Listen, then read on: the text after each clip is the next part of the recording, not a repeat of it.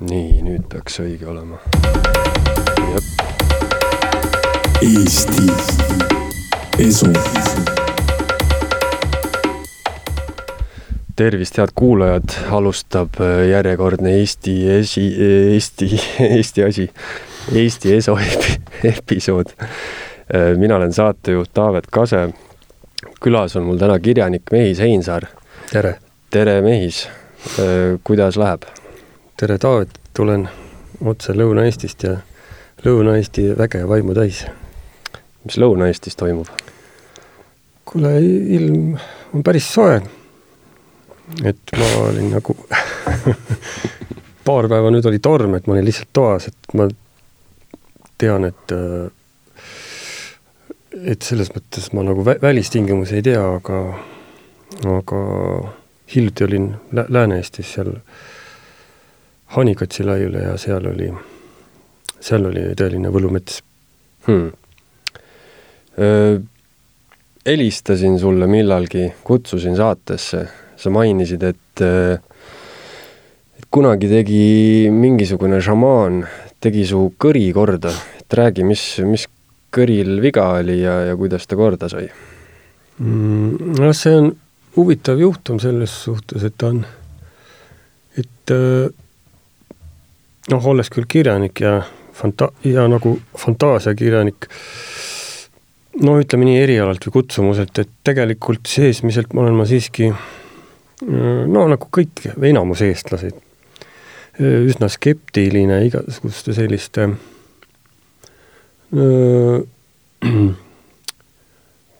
ma ütleks, noh nii, mambo-jambo nõidade suhtes, et, et, et et aga ma saan ka samas nüüd kinnitada, et, et, et üks tõeline ime on ikkagi juhtunud muga, minuga ja siis, ja siis see, et tõesti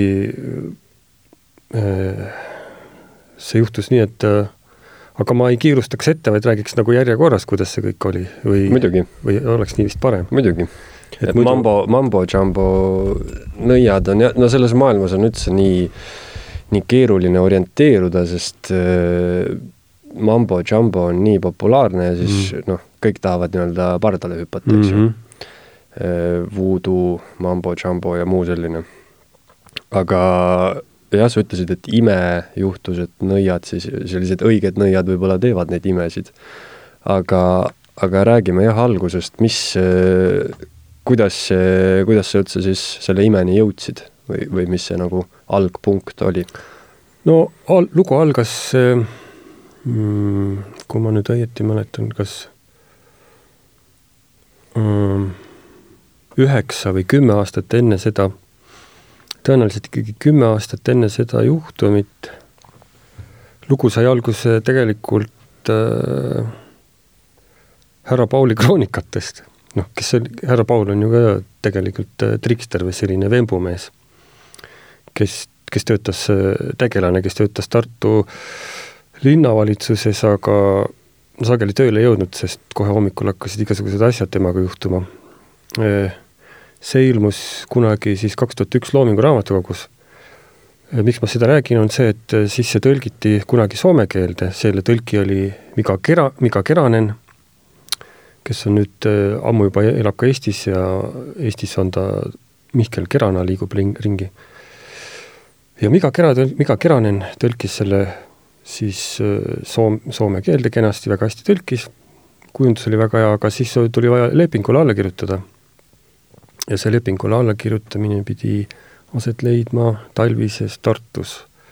aga ma olin sel hetkel väga haige, ma olin gripis siis. ja ma poleks tohtinud üldse sinna lepingu allakirjutamisele minna.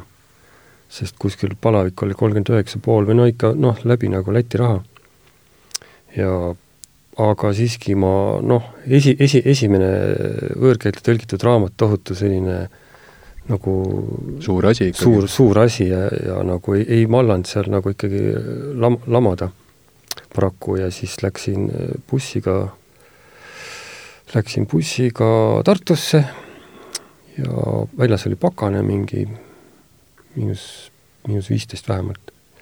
siis sinna, siis oli see Valdi Valdi Trahter või no see on ka praegu, aga siis ta oli teistsugune. ja siis sinna läksime, siis tulid äh, need so-, Soome härrad kohale, kirjastaja, päris kirjastaja oli küll sakslane, aga so-, Soomest tulnud sakslane ja Keranen ja kõik, siis sõime seal prae ja võtsime paar õlut tegime, kirjutasime ära, aga siis äh, kõrvalt oli aken millegipärast ka lahti, nii et tuli tuuletõmbus ja ja sellest gripist mul tekkis tüsistus mm,, tüsistus väljendus köhana, köhisin kuu aega, kaks kuud, kolm kuud köha nagu ei läinudki üle, jäi väiksemaks, aga no jäi selline röga kurku ja, ja selline krooniline tüütu vastik köha, mis tegelikult rikkus mul elust kümme aastat ära mm. -hmm. Noh see, see ei läinudki nagu kunagi üle siis? ei, seda arstid ka ei suutnud välja ravida, küll nad igasuguseid asju siin pakkusid ja proovisid, aga midagi, midagi ei aidanud, oli niisugune rõga, köhimine ja no väga tüütu. noh, tähendab, sa saad elada, aga sul on üli, ülimalt ebamugav elada, see mm -hmm.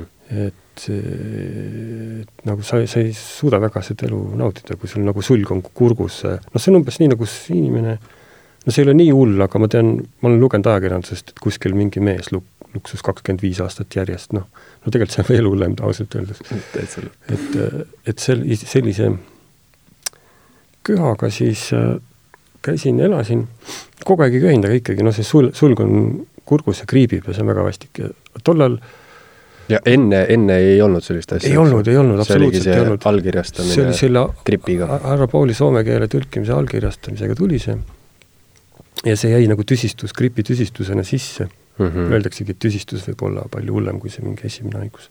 et sul midagi muutub krooniliseks. noh, ja siis noh, tal, tollal kaks tuhat kolm, noh, kolmekümne aastane noor mees, siis ma väga tihti käisin ka ikkagi reedeti Tartu trahterites ja kõrtsides, olin väga, väga uljas väljas käia sõpradega ja püsikunde? võib ka nii öelda, jah et seal olid ja isegi kindlad kohad, noh, eks ole, seal äh, seal Tsavood ja, ja siis mis seal oli, Illekaart oli siis veel populaarne, Illekaart, Tsavood, pool kuus oli siis veel, no niisugused kohad. ja siis ka võib-olla legendaarne ümarlauabaar. jah, see tuli sellise, see, sinna jõudsid nagu niisugused kõige suuremad uljaspead siis või kellel oli kõige rohkem väge ja rammu veel siis kella seitsme kolmekümneni hommikul vastu pidada, et kaks, seda peavad siiani nagu kaks vanapaari, see on mm. selline seitsme või kaheksakümnendate aastate disainiga. väga selline üle, ülejää väga populaarne koht, aga siis tol õhtul ma mäletan, olin ka Savoodis, istusin sõpradega seal, jõin õlut noh, kuskil üle südaöö oli juba kell kindlasti, ma arvan isegi kell oli kaks. ja siis äh, noh, nagu ikka, tuleb selline linna sulkumise tuur, uit, uit veel peale ja läksin, see võis ka kell juba kolm olla. Läksin sealt Rüütli tänavat pidi millegipärast väga kindlal sammul, seekord, tookord otse poolde kuude sinna, kus on see keldri noh, noh, slängis öeldes niisugune, et noh, töö, tööliste keldriõllesaal või niisugune, kus on nagu siis, kus saab kõik niisugune e-, erinevad rahvakihid saavad kokku ja, ja, ja, ja vestlevad ja vennastuvad ja kõik on kõigiga sõbrad ja või siis kui ei ole sõbrad, siis noh, mingi muu lahendus, aga üldiselt, üldiselt selline no minu jaoks, minu jaoks põnev koht, et et sellist tekitas niisuguse no huvi oli seal vahel käia ja siis ma läksin sinna taha ruumi mm,, kus oli suitsuruum.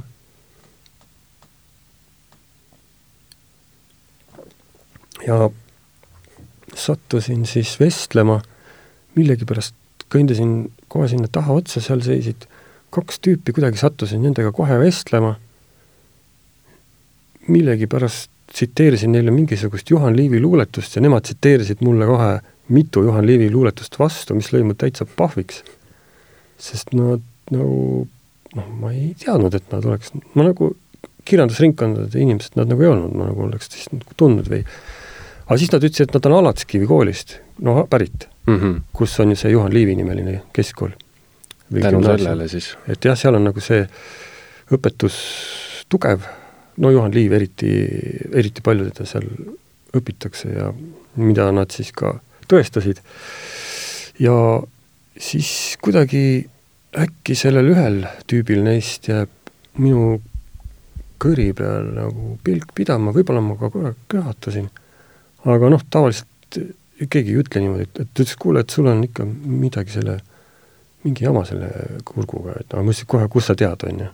et midagi visuaalselt no ta kuidagi ja... nagu tajus ära, tajus ära kuidagi. mingisugust, ma ei tea, punni või asja sul ei olnud, olnud, midagi välist ei olnud, no võib-olla mm -hmm. ma lihtsalt mhm. köhatasin, no aga kes ei köhataks seal suitsuruumis, iga, aga noh, ta kohe nagu sai aru, et midagi on valesti mm. -hmm ja siis ma ütlesin, küsisin, et kust sa tead, no ta ütles, et kuidagi tajun ära. Ja siis äh, ütlesin, nojah, aga et jah, siis ma rääkisin ka, et ma olen nagu juba aastaid sellega jännanud ja mingit tolku ei ole, et noh, et elame, elame edasi, et äh, pole, pole hullu midagi.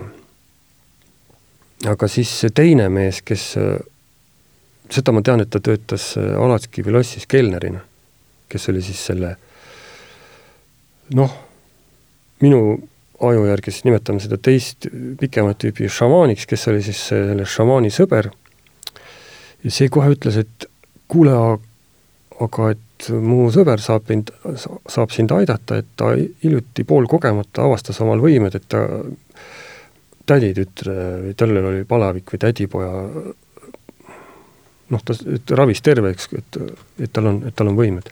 noh, siis ma muidugi naljaga pooleks seal ütles, et noh, võib, võib ju proovida mm. -hmm. ja siis me läksime sinna kassaruumi ette, mis seal eespool, võtsime seal veel paar kannu õlut ja ja siis ta panigi mul öö, käed nagu, nagu öö, kõri ette või niimoodi, kuskil viie sentimeetri kaugusele, mitte vastu. ja siis noh, hoidis neid seal niimoodi, silmad olid kinni no ma julgeks öelda kuskil kümme-viisteist minutit. ja mul oli muidugi see, et äh, kuna ma olin äh, mitu õlut joonud, siis mul igasugused, igasuguse kaitsekihi ma võtsin ära, et selle koha pealt vist ma olen hiljem alles lugenud, et et, et pool, pool ravi on alati sellel, noh, kes tahab end lasta terveks ravida, et ta peab plokid ära võtma. et selle skepsise eemaldamise jah, skepsise eemaldamise, mis mul tavaliselt on kogu aeg. ja, ja, ja et, et ja siis noh, ma lihtsalt olin nagu selline jumala lapsuke, et noh, lõbus, lõbus niisugune põnev, põnev, põnev tegevus on ju, et noh, ravib mm. -hmm. No, muidugi, tuju on hea ja ja siis, siis ta hoidis kümme-viisteist minutit käsi ja siis äkki ma nägin, et ta kuidagi nagu lõtvus või muutus täiesti jõuetuks, siis see sõber võttis ta ümber kinni, ütles, et ta andis nüüd kõik energia ära. ja siis ma ütlesin, et kuulge, et noh, ma teen siis paar õlut välja, et ei, ei, et ta andis kõik energia ära, et me, ma pean nüüd äh, takso peale viima, et ta on nagu täiesti omadega läbi. et ja siis äh, mingi aeg läksin ka koju, järgmine päev äh, ärkan omal seal Karlova kööktoas seal üles ja tunnen kuidagi, et väga kuidagi lahti nimel, midagi on nagu teistmoodi saanud algul aru, kui siis vaatasin, et kripeldus on kõrist nagu kadunud et see, see oli nagu noh, no ma ei tea, kui see on ikka kümme aastat niisugune asi olnud, siis on umbes nagu et selline noh, lo-, lonkurist saab jälle käia või, või selline ühest kõrvast kurt saab päris kuuljaks või, või selline ühest silmast pime, kahest silmast nägijaks, võiks seda noh, võrrelda nii, et et see oli nagu tohutu, tohutu nagu niisugune posi-, positiivne tunne seda tunda, et nagu, et see sulg äh, kurgust on kadunud ja ja, ja see, ja see noh, kõige kummalisem, et see jäigi niimoodi, see tervenemine oli aastal kaks tuhat kolmteist. kaks tuhat kolmteist juhtus see jaa, et püh-püh-püh, et see nagu siiamaani. ei olegi tagasi tulnud? ei, on olnud üksikutel väga rasketel hetkedel, kui on niimoodi tulnud ta mingisuguse mm, noh, korraks ainult, siis ma iluga mõtlen, kus nüüd jääbki, aga siis on nagu mõne tunni pärast ära läinud mm., ehk siis ta ikkagi ravis mu terveks väga see... selline rahva, rahva šamaan, eks ju. nojah. kas ta, kui ta neid käsi hoidis ja ravis, kas ta ütles ka midagi või, või ta oli lihtsalt silmad kinni vait? silmad kinni vait oli mm. -hmm. ja kõige kummalisem oli see, et veel, et see et nagu see sõber tal, Alatskivi lossi restorani kelner, et see helistas mõned päevad hiljem, küsis, noh, kas on tulemas, ütles, et oo oh, jaa, et väga, väga võimas, väga hea, et et suur tänu, on ju, ja ja, ja, ja siis hiljem veel natuke aega hiljem mõtlesin, et ma peaks talle midagi noh, mingi tänutäheks mingi mm -hmm. kingituse tegema, see on suur asi ju. et niimoodi terveks, terveks teeb ja aga lükkasin seda noh, noh ikka edasi ja vahepeal unustasin ära ja siis hakkasin üks päev telefonist juba vist aasta hiljem numbrit otsima ja ei, ei, ei leiagi enam, kontaktandmed olin kadunud, siis ühe numbri oma arust arust leidsin, siis saatsin sõnumi, et kuulge, teie vist ravisite mu terveks, et ma tahaks teile kingituse teha, et mm -hmm. ja siis too nagu isegi ütles jaa, jah, et ravisin küll, et, et kus kokku saame, on ju, et ja siis et aga siis kuidagi natukese aja pärast selgus ikkagi, et see on mingi täitsa suvatüüp, et see ei ole see, et ta, ma ei tea, tahtis seda kingitust saada vist. ja siis ütles, et, et ei, ei, et, et, et ei ole ju see. Aga sa ei olegi siis saanud talle mingit kingitust ei ole, et kontaktandmed on täiesti kadunud, et see on nagu selles mõttes täitsa täiuslik, et ilmus šamaan kuskilt nagu noh, nii-öelda põrguaugust, kõrtsi, kõrtsist, mida enam ei ole, suitsuruumist äh, tsiteeris, tsiteerisime nagu kood oli, parool oli Juhan Liivi luuletuste tsiteerimine, pärast seda oli nagu ravi ja siis tervenemine ja pärast seda on ta kadunud. kui, no ma nagu maa alla või noh, ma ei leia teda no,. sa öö, nime ei tea? ei mäleta. ma tean ainult, et nad on Alatskivi, Alatskivi gümnaasiumis käinud. no siis äh, kuulajatele üleskutse. kaks meest Alatskivilt tsiteerivad Juhan Liivi ja ravivad inimesi mm. -hmm. kes nad on, võib teada anda aadressil eso.delfi.ee. aga näiteks, kui ta kui ta siis tegi seda mm., hoidis sul seal käsi, et kas sa noh, te olite baaris mm, -hmm. ilmselt seal äh, oli mingi Baari müra, lärm mm, -hmm. aga kas sul too hetk nagu, kas sa kuidagi midagi tundsid ka või, või siis ei saanud midagi aru mm,? siis ei saanud nagu, siis oli see elevus nii suur, et mm, -hmm. et oligi ainult see noh, elevus nagu, ta eraldi midagi nagu aru ei saanud. või ma, ma ei mäleta vähemalt hetkel, et vot ma püüan nüüd täpselt nii kirjeldada, nagu oli, aga kuna ma seda nagu ei mäleta, et oleks olnud midagi erilist, siis ma siis ma ei hakka isegi nagu punnitama, et kas oli või ei olnud, sest et ma ei mäleta, et oleks olnud sel hetkel. milline see tüüp välja nägi? ta oli pikk, pikk ja üsna, üsna noor, mõlemad olid üsna noore, ma arvan, alla kolmekümne. et noh, kuna ta oli alles oma šamaani võimet, võimet hiljuti avastanud, ma olin tal võib-olla kolmas patsient mm, -hmm. Siis, siis ma väga loodan, et ta on nüüd noh, veel võimsamaks saanud ja kuskil juba päris tervendajana tegutseb, aga mine tea, võib-olla, võib-olla mingid elu, elu, elu ris-, ristteedel ta hoopis mingit muud eriala teeb ja ei, ei, ei, ei, ei ravitsegi enam, siis, siis vähemalt siit, siin ma nüüd saan raadio kaudu talle kaudsed tänusõnad öelda, et vähemalt ta on ühe, et Ala, Alatskivi šamaan on täiesti ühe, ühe suure ime teinud, et kümneaastase kroonilise köha, mida ametlik meditsiin ei suutnud ravida, selle on ära võtnud, et, et siin ma saan tõesti niisuguse keskmise eestlase pessimistina väita, et üks, üks ime on mu elus juhtunud, selline. tervitused siis sellele šamaanile. Mm -hmm. aga mis, mis need arstid selle kohta ütlesid, ilmselt sa käisid päris mitu korda, kui see sind häiris niimoodi? Et mis, öeldigi, et ongi tüsistus ja, ja mm, tüsistus, seal erinevaid tablette kindlasti nad äh, andsid ja ja proovisid seda teist, aga ei, ei, ei midagi ja ühesõnaga, no tundus lootusetu juhtum, jah mm. -hmm. see võis jah siis päris hea tunne olla, kui sa sellest lahti said lõpuks. jaa, sest selline noh, see on nagu Hiina piin, et midagi nagu noh, näiteks see veetilk kukub sul korra pähe, see ei tee midagi, on ju, aga kui see sul aastaid niimoodi niimoodi iga minutis korra pähe kukub, siis tegelikult see hakkab lõpuks telliskivile sarnanema ja niisuguse, niisuguse väikse vastiku haigusega on samamoodi, et, et tegelikult on piinarikas elada.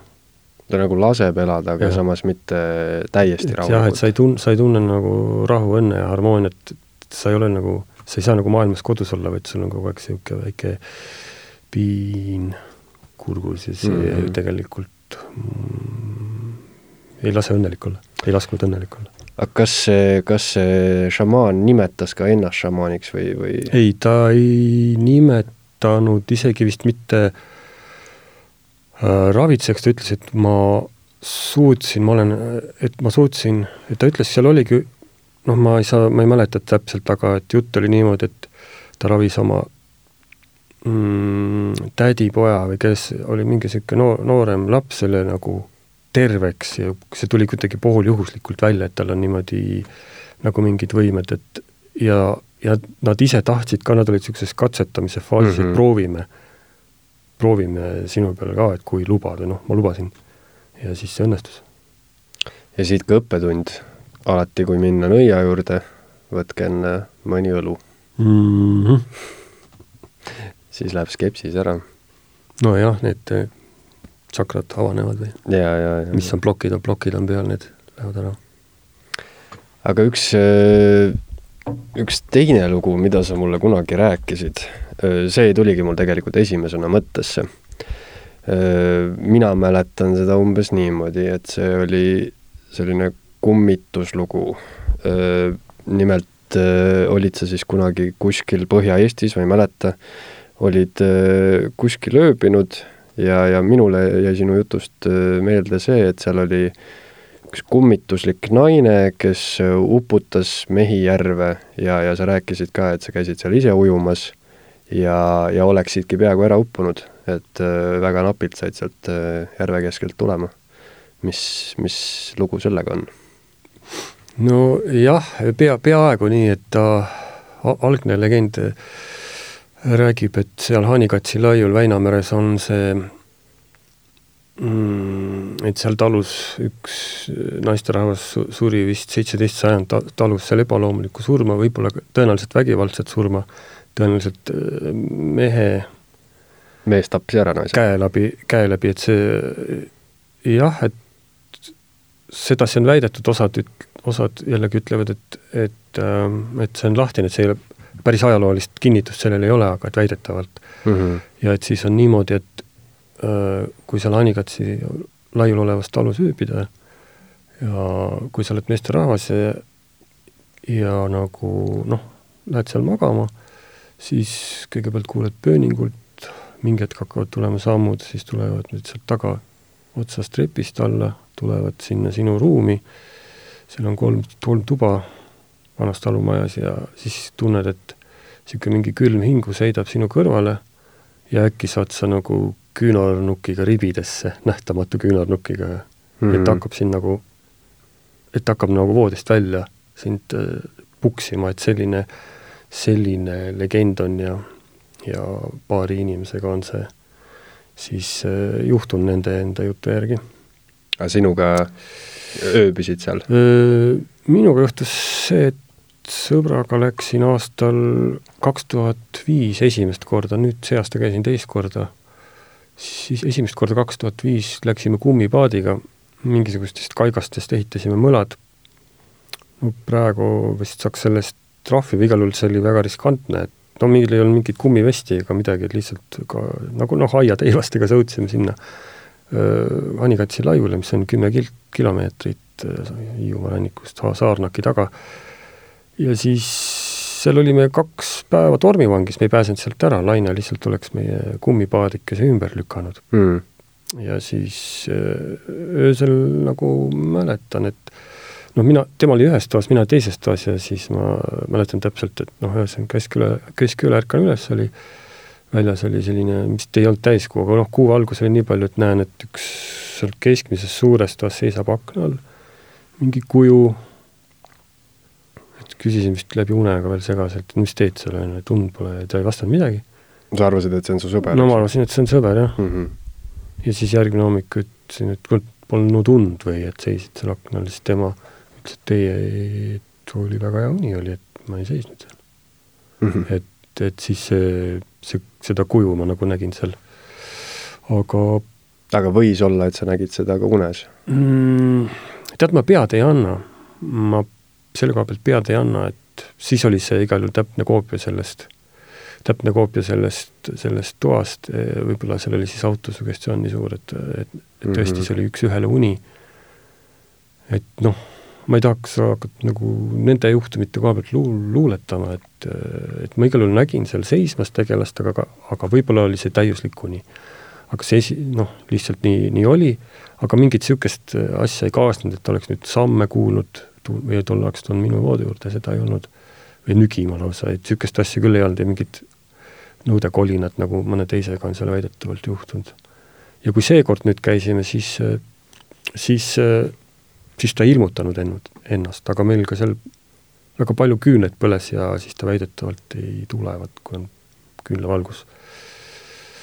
kardab valgust? et küünlavalgus kuidagi kas rahustab ta maha või, või mingi, et siis ta ei tule mm., vot seda väitis Tiit Leito, et pange küünal põlema, siis ta ei tule mm.. aga tookord äh, sõber ütles, et väga hea uni oli, tema ka midagi ei tajunud? tema ei tajunud midagi mm., et oleks halvasti, või noh, teistmoodi olnud huvitav, kuidas ma siis äh, seda lugu seostan seda peaaegu uppumislooga? see seostad võib-olla sellepärast, et seal kohe sellest äh, järgmisel päeval me läksime sinna järgmisele laiule, mis on sealt kilomeeter edasi, Varese laid mm, -hmm. ma tahtsin Varese laiult ujuda Hanerahu hästi väiksele laiule, aga ma ei arvestanud sellega, et ma olin sõudnud kaks või kolm päeva juba ja käed olid täiesti väsinud ja laine oli päris suur. nii et ma ujudes hakkasin tohutult ära väsima ja siis hakkasin, juba olin seal teisel laiul peaaegu ja siis hakkasin nagu, no nagu ikka inimene ratsionaalselt ei suuda mõelda, et ma mõtlesin, et et kuidas ma sealt laiult tagasi saan, et ei, ma ikka ujun kohe tagasi. ja siis sai paarsel laiul ujudes jõud otsa, no see võis olla kõik kokku seal noh, nelisada meetrit, aga suure lainega ja käed väsinud, et see noh, ikka lõppu viimane sada oli, et puhtalt tahtejõudega või elu, elutahe oli lihtsalt eh, nii suur, et, et nagu jõuda enam üldse ei olnud, et tahtejõuga kuidagi tulin välja. aga hakkasid juba nagu ära vajuma?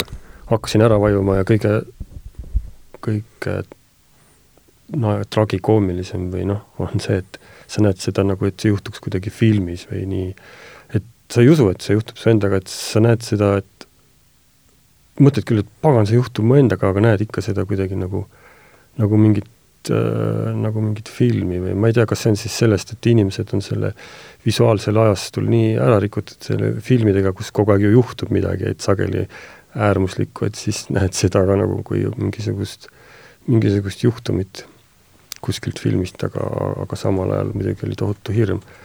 võib-olla see, võib-olla see, et ma nägin seda nagu filmis, oligi organismi enda see kaitsesüsteem, et, et ta ei lasknud seda hirmu see, seekaudu nii, nii ligi, tegelikult mul oli too pöörane surmahirm mm. -hmm. ja või siis äh, on see seotud sellega, et äh, et ikkagi inimesed ei noh, ei usu, et nendega võib midagi sellist juhtuda, siis lausa viimase, viimase hetkeni välja, et äh, ju ja. kõik mõtlevad, et nemad on igasugustest haigustest, asjadest, sellistest uppumissurmadest ikkagi mm -hmm. jäävad puutumata. täpselt aga võib seda nimetada siis surmalähedaseks kogemuseks? jaa, see on, on äh, kõige suurem selles mõttes taoline surmaläheduse kogemus just loodus, noh, ütleme selline, mis juhtub looduses inimesega või niisugune õnnetusjuhtum mm. -hmm. et see, see, selle taolistest küll, et äh, jah, et, et noh, muidugi on mingisugused äh, psüühil-, muud psüühilised läbielamised või kannatused või armuvalud, mis ju, aga need on nagu teist sorti, et see on konkreetne ikkagi selline, mis asetub sinna noh, mingisuguste selliste õnnetusjuhtumite kilda, mis on ikkagi füüsiliselt puhtalt. ja, ja räägitakse ju, et uh, uppumissurm pidavat olema üks hullemaid. kuidagi see, see vesi, äh, noh, aga kuidas sul endal muidu veega on, et sa mm. pärast seda kuidagi mingisugust kartust ei ole sisse tekkinud?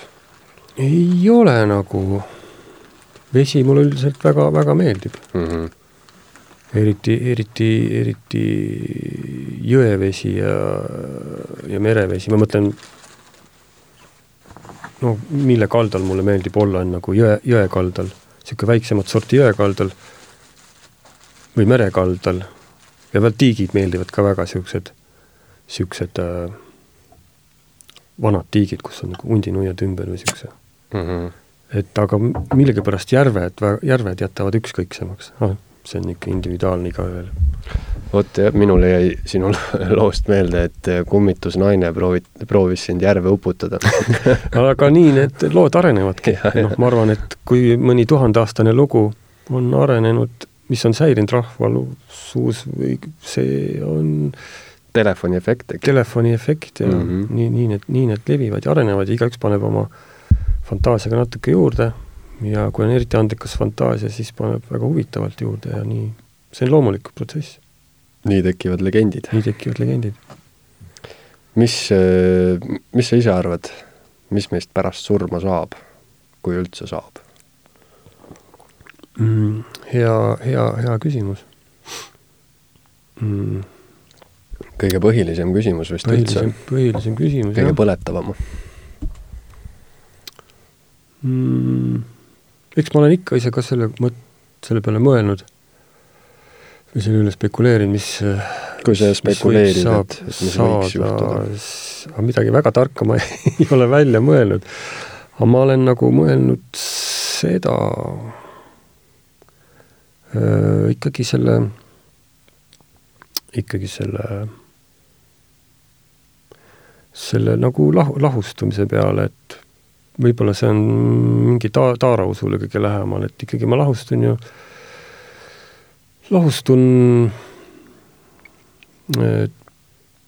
taime ta,, vihmade erosiooniga, taim, taimede kaudu mm, saan nagu, saan nagu mingisuguseks, mingisuguseks üldise, üldise energia, suureks, suureks energiapalli osaks tagasi, mis on äh, ja siis sealt võib-olla edasi kuidagi, aga, aga ma ei, nüüd ei, ei usu, et mu teadvus sellega kaasa liigub, et ma seda tajun. minu mina seda tajub.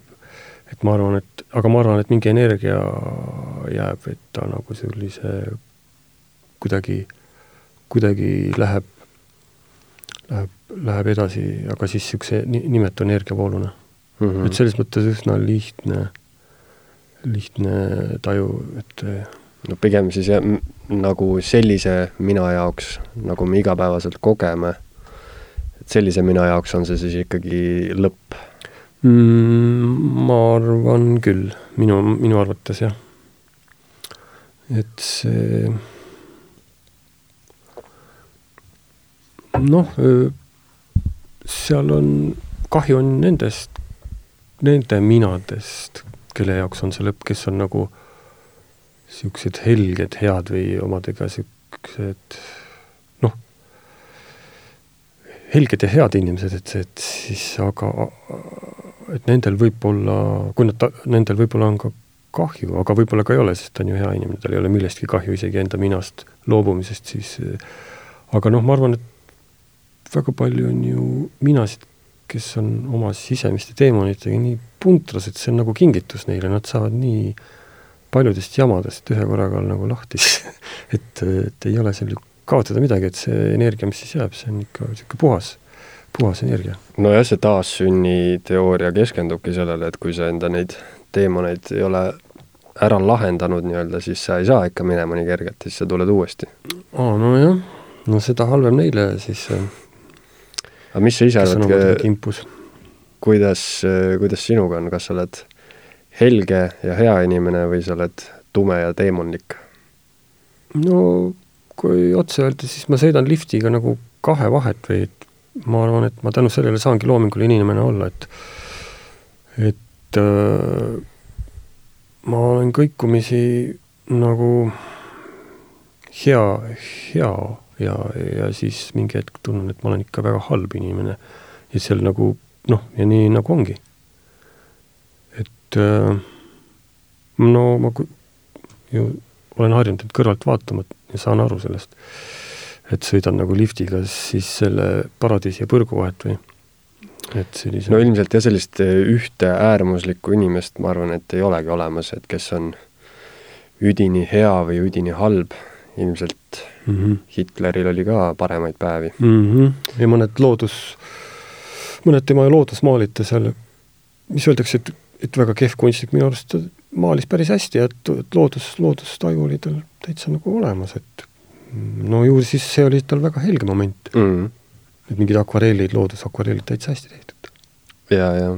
See lifti, lifti paralleel on jah huvitav, et ilmselt jah, kõik seal liftis sõidavad ja, ja samamoodi, et selline äärmuslik oru, olukord, et keegi ilmselt ei jõua kunagi nagu täiesti põrgu põhja või siis täielikku taevasse, et noh, täiesti äärmusesse me ei jõua välja, et kuskil seal vahepeal, eks ju mm, -hmm. käib see, käib see tunglemine mm,. täpselt, et võib-olla siis ongi nagu see, no ma ise olen mõelnud, et see ideaal, millele ma saaksin läheda, on, on see, kuidas öelda,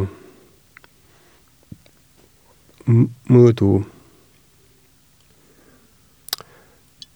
et mõ-, mõõdu, mõõdutunne et no ma arvan, et selle headuse kurjusega on seotud ka tarkus ja rumalus, et nad on üks, üksteisega nagu läbi põimunud või noh, ütleme nii, et nimetame, kui see, et see on siis nagu see, see hingealkeemia või see, kuidas nad, kuidas need ained kõik omavahel on seal doseeri-, neid sa-, inimene saab neid juhtida või doseerida, et et seda ma arvan küll, et äh, nüüd püüda kogu aeg tark olla või, või hea olla, et see lõpeb sellise üle, ülepingutusega või et et ma olen ka teadlikult ikkagi, kui on niisugune, muutun niisuguseks närv, närviliseks äh,, närviliseks nii-öelda jutumärkides targaks inimeseks, kes käib endale ja teistele samas närvidele niisuguse sapise mingisuguse elutarkusega, et siis ma lihtsalt tõmban äh, juhtme seinast välja ja muutun täiesti rahulikult mit-,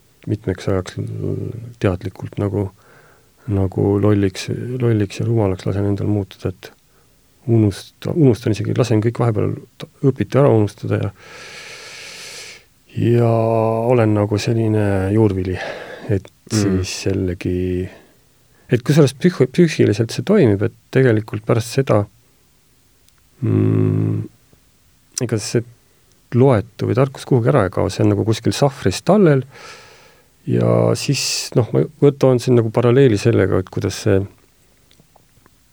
piiblis on see, et Jeesus äratas Laatsaruse surnust üles, et siis on niisugune nagu õnnis Laatsaruse tunne, et sa, et sul on võime iseennast üles äratada sellest juurvilja seisundist tagasi tarkuste poole ja see, need esimesed päevad, siis see nii-öelda rumalusest tõsta end tark, tarkuse dimensiooni tagasi, sest need on nagu hästi, hästi võimsad päevad, et kõik lõhnad on jälle ergud, kõik on nagu, kõik jälle avaneb, puhkeb seesmiselt õide või niimoodi, et sa oled välja puhanud, sa saad kõike nagu kuidagi alustada justkui otsast peale või niimoodi, et see, et see just, just see mõõt, tarkuse, tarkuse ja rumaluse doseerimine, vot ma ei tea nüüd, kuidas headust ja hea, headust ja kurjust saab doseerida, siin on juba lugu komplitseeritum.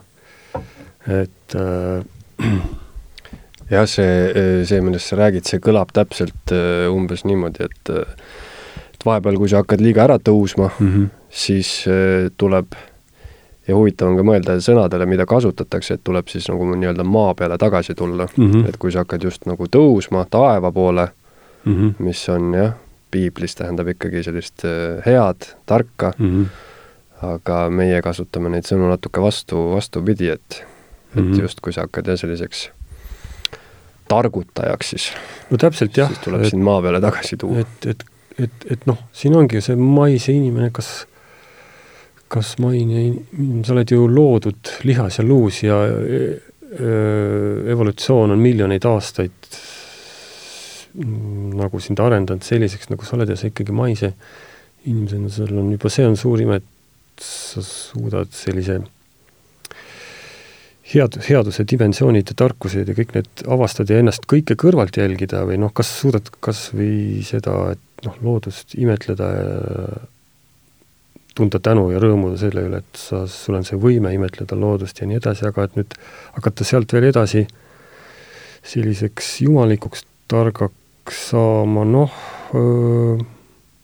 ma arvan, et näiteks seal idas öö, need budistlikes kloostrites, näiteks zen-kloostrites, kes tõesti mm, päev, hommikust õhtuni nagu selle, sellega on seotud äh,, ehk siis äh, see on, võib Kap-, Kaplinski sõnu kasutada, et raske on kergeks saada, et, et tõesti, see on, sel juhul on see nagu töö, see on igapäevane töö nagu noh, oma, oma nagu minast või vaimust selle elu jooksul juba nagu, nagu, nagu vabanemine või et saa, saamine niisuguseks puhtaks.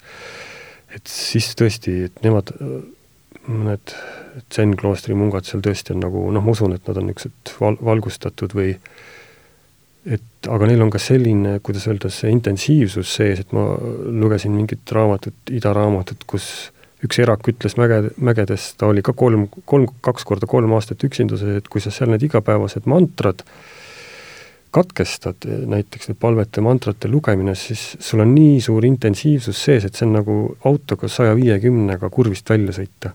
et äh, väga paljud, kes on katkestanud, seal pole, lähevad hulluks hmm.. et vaimne see intensiivsus on nii suur. jah, ega seal selles mõttes no mul käis siin saates äh, läbi teema sensoorne deprivatsioonitank mm., oled sellest midagi kuulnud? Kõlab väga huvitavalt, aga ega ma sellest midagi eriti ei tea. see on äh, selline kamber, kuhu sa lähed, see on äh, kottpimedus, täielik vaikus ja seal kambris on äh, madal kiht vett ja see vesi on täpselt sinu kehatemperatuuril ja oh. hästi soolane, nii et sa hõljud nagu seal vees kui kõrge see vesi on? no paarkümmend sentimeetrit mm, -hmm. aga see vesi on nii soolane, et sellel otseselt ei ole vahet. kas sa oled seal pikali või? jah, et sa oled äh, alasti seal vees ja sa nagu hõljud ja siis äh, noh, seal on äh, täielik pimedus, täielik vaikus ja kuna vesi on kehatemperatuuril, siis mingil hetkel sa enam ei erista, sa ei saa nagu aru, et kust algab vesi ja kust lõpeb õhk, et sa nagu, su keha kaob täielikult mm. ära. nagu huvitav et ja siis ongi noh, et see niisugune sensoorne äralõikamine, et kõik meeled lõigatakse ära ja mm ainult sinu, sinu aju töötab.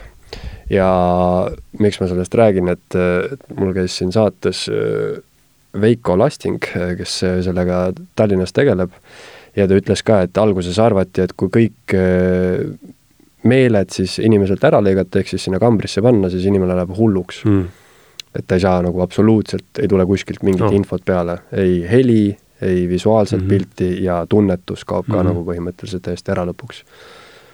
Et ja, ja noh, eriti ja kui sa paned veel noh, sa paned niimoodi pea sinna vette ja sul jääb ainult nägu jääb mm -hmm. välja niimoodi hõljuma ja sul on kõrvad ka vee all, et noh, sa ainuke, mida sa seal kuuled, on jah, enda südame tuksed ja siis äh, vere kohisemist hakkad kuulma oota, ko-, korda seda palun, mis tingimustel ta läheb nagu hulluks, et kui ta on seal liiga kaua vees või, või...? just arvati seda, et, et kui inimeselt eh, kõik nii-öelda väline stiimul ära lõigata mm, -hmm. et siis läheb inimene hulluks mm, -hmm. et ta ei saa noh, mitte midagi ei ole nii-öelda läbi töödelda, et sa ei mm -hmm. näe midagi mm, -hmm. sa ei kuule midagi ja sa ei tunne ka mitte midagi mm. -hmm. et jah, nende, nende mediteerivate munkadega tundub samamoodi mm, -hmm. et, et nad ju lõikavad mingis mõttes, noh, nad ei lõika nagu otseseid neid stiimuleid ära, aga nad lõikavad ju kogu, kogu elu ära põhimõtteliselt mm. -hmm. et see on ikkagi, aga mis sa arvad, kas see, kas sellel on mõtet või kas selle poole peaks püüdlema? sest mingis mõttes on see nagu valgustumine, aga mingis teises mõttes on see justkui eh, ennast mängust täiesti välja lülitamine et mm -hmm. mina seda mängu nimega elu kaasa ei mängi, mina lähen kooposse ja mediteerin mm. -hmm. kas selle poole peaks püüdlema mm.? no ma arvan, et äh, ma, ma ise arvan, et nagu kõik on elu, et, et, et selle, et nim-, nimetamise rägastikus võib-olla on see, et et mulle võib tunduda, et, et no tähendab, mina näiteks ei tahaks tõesti oma minast loobu-, minaga seotudest loobuda, see on nagu üks elumängu osa, väga oluline. et vahel on hea vaadelda kõrvalt ennast ja oma mina kuidagi eemalduda sellest, mõnikord tarkade raamatute abil, aga näiteks ma arvan, et need erakud seal, et nad oma intensiivsuses, et elu, elu seesama energia, ent nagu see e-, e-, energia koondumine inimesse ja siis see, see, mis kuidas nad suudavad seda energiat kanaliseerida, et see on ikkagi ju ka elu, nii või teisiti, elu neist toimib, toimetab. Nad lasevad elul toimetada kuidagi ja neid e-, energiaid kuidagi ühte kohta koondada ja sealt omakorda et kui nad seal siis tõesti niimoodi isetuteks muutuvad ja selle iso-, isolatsiooni läbi teevad, et siis neil on tõesti see vägi öelda, et jah, nad tulevad sealt ju mägedest alla, et siis neid, budistlik ideaal on siis neid kannatavaid inimesi aidata isetult, et siis neil on see vägi sees egovaba, sest ego võib olla väga salakaval, sa mõtled, et ma aitan teist inimest, aga seal on ikkagi võib-olla mingi selline agenda on tagamõte või mingi, et millest inimene ise ei pruugi arugi saada mm -hmm. esialgu, et, et ja nii edasi, et aga nemad kõik, kui nüüd selle erakluse läbi teevad, siis võivad nad selle väe saavutada tõesti, ma usun seda ja ma arvan, et see on, ma arvan, et see on hästi äge, et, et sellised vennad on olemas ja, ja, ja tegutsevad, et see ainult rikastab seda maailmapilti, et ma ise seda ette ei, ei võtaks sest äh, olles, olles siin ja praegu Eesti, väikese Eesti keeleruumi kirjanik, et ma selle kutsumusega olen nagu rahul, siin on, mida arendada. ja endas on, mida arendada selle kirjanduse läbi, et siis, äh, et ma, ma arvan, et maailm, et ta on nagu miljoni, nagu see miljonine eri, eri, eri vaatenurgalt rikas või nagu on, ütleme, giilidel või kellel on need silmad, kus on nagu, kus öeldakse, et miljon läätse või et eri mm, -hmm. eri, erinevad need, kus nad vaatavad igas, igas suunas, et see on õudselt to tore. et saab, et, et neid variante on, on nii palju, in-, inimvariante. nojah, seda nagu tervet elu mänguks nimetada ongi võib-olla vale, et et sellised erakud loobuvad äh, siis, ma ei tea, mänguks võib äkki nimetada ühiskonnas mm -hmm. elamist või, või noh mm -hmm., kogu selle, selle asjaga kaasas käimist, et, et ma olen justkui mänguosaline mm, -hmm. et noh, juba, juba maksude maksmine on üks, üks osa mängust. Üks... mängureegel nii-öelda mm. -hmm. aga jah, ma olen jah mõelnud, et kas see nagu et mingis mõttes on selline, selline valgustumine ja mingite nii-öelda kõrgemate vaimsete tasandite saavutamine, see on muidugi noh, kõlab, kõlab ägedalt ja kõlab tervitatavalt, aga, aga samamoodi, et, et kas see on nagu tugev valik või see on nõrk valik, et mm, -hmm. et natuke see on ikkagi ka nii-öelda, mis, mis see male väljend on? mul ei tule nüüd see sõna meelde, et kui sa annad alla põhimõtteliselt. matt, šahmatt algul on šahh, tuli, siis on matt, aga ma ei tea, seal on veel kui sa vaata nagu alguses juba näed, et, et läheb šahmatini ja siis sa ise resigneerud või, või võib-olla jah, nii. jah, ja midagi mm -hmm. taolist, et see tundub mulle nagu sellise elumängust resigneerumisena mm. -hmm. Mm. aga jah, muidugi ka väga vähesed inimesed tegelikult äh, saavutavad üldse selliseid tasandeid, paljud proovivad mm -hmm. kindlasti, aga noh, kui paljud siis seal äh, metsas ikkagi hulluks lähevad mm,? jah ja kui paljud selles edukad on? Et paljude usundite koha pealt äh, ma võib-olla ainsana, no teeksin, mulle meeldib ikkagi sellele budismile nagu erandit teha, et seal nagu, et seal võivad olla väga niisugused karmid ja ägedad, ägedad vennad, et kes, kes, kelle, kelle seesmine intensiivsus on nagu mulle lihtsalt meeldib see zen-budism kuidagi või selle peale mõelda, et aga, aga loobumine väga paljudes muudes religioonides, selle, see tundub mulle ka kahtlane. Mm.. jah. no see on jah äh,, hästi palju räägitakse sellisest märksõnast, et äh, kannatus, eks ju, kannatamine ja see loobumine tundubki noh, see on teatud mõttes ikkagi väga suur ohver mm, -hmm et kui sa nagu loobud igasugustest siis nendest mänguosadest mm, -hmm. maksude maksmisest ja, ja ja, ja muust, millel elul, mida elul pakkuda on, ongi kannatamine mm. -hmm. ja kui kannatus on elu, siis võib küsida, et kas elu on kannatus. Mis sa arvad, kas elu on kannatamine mm.?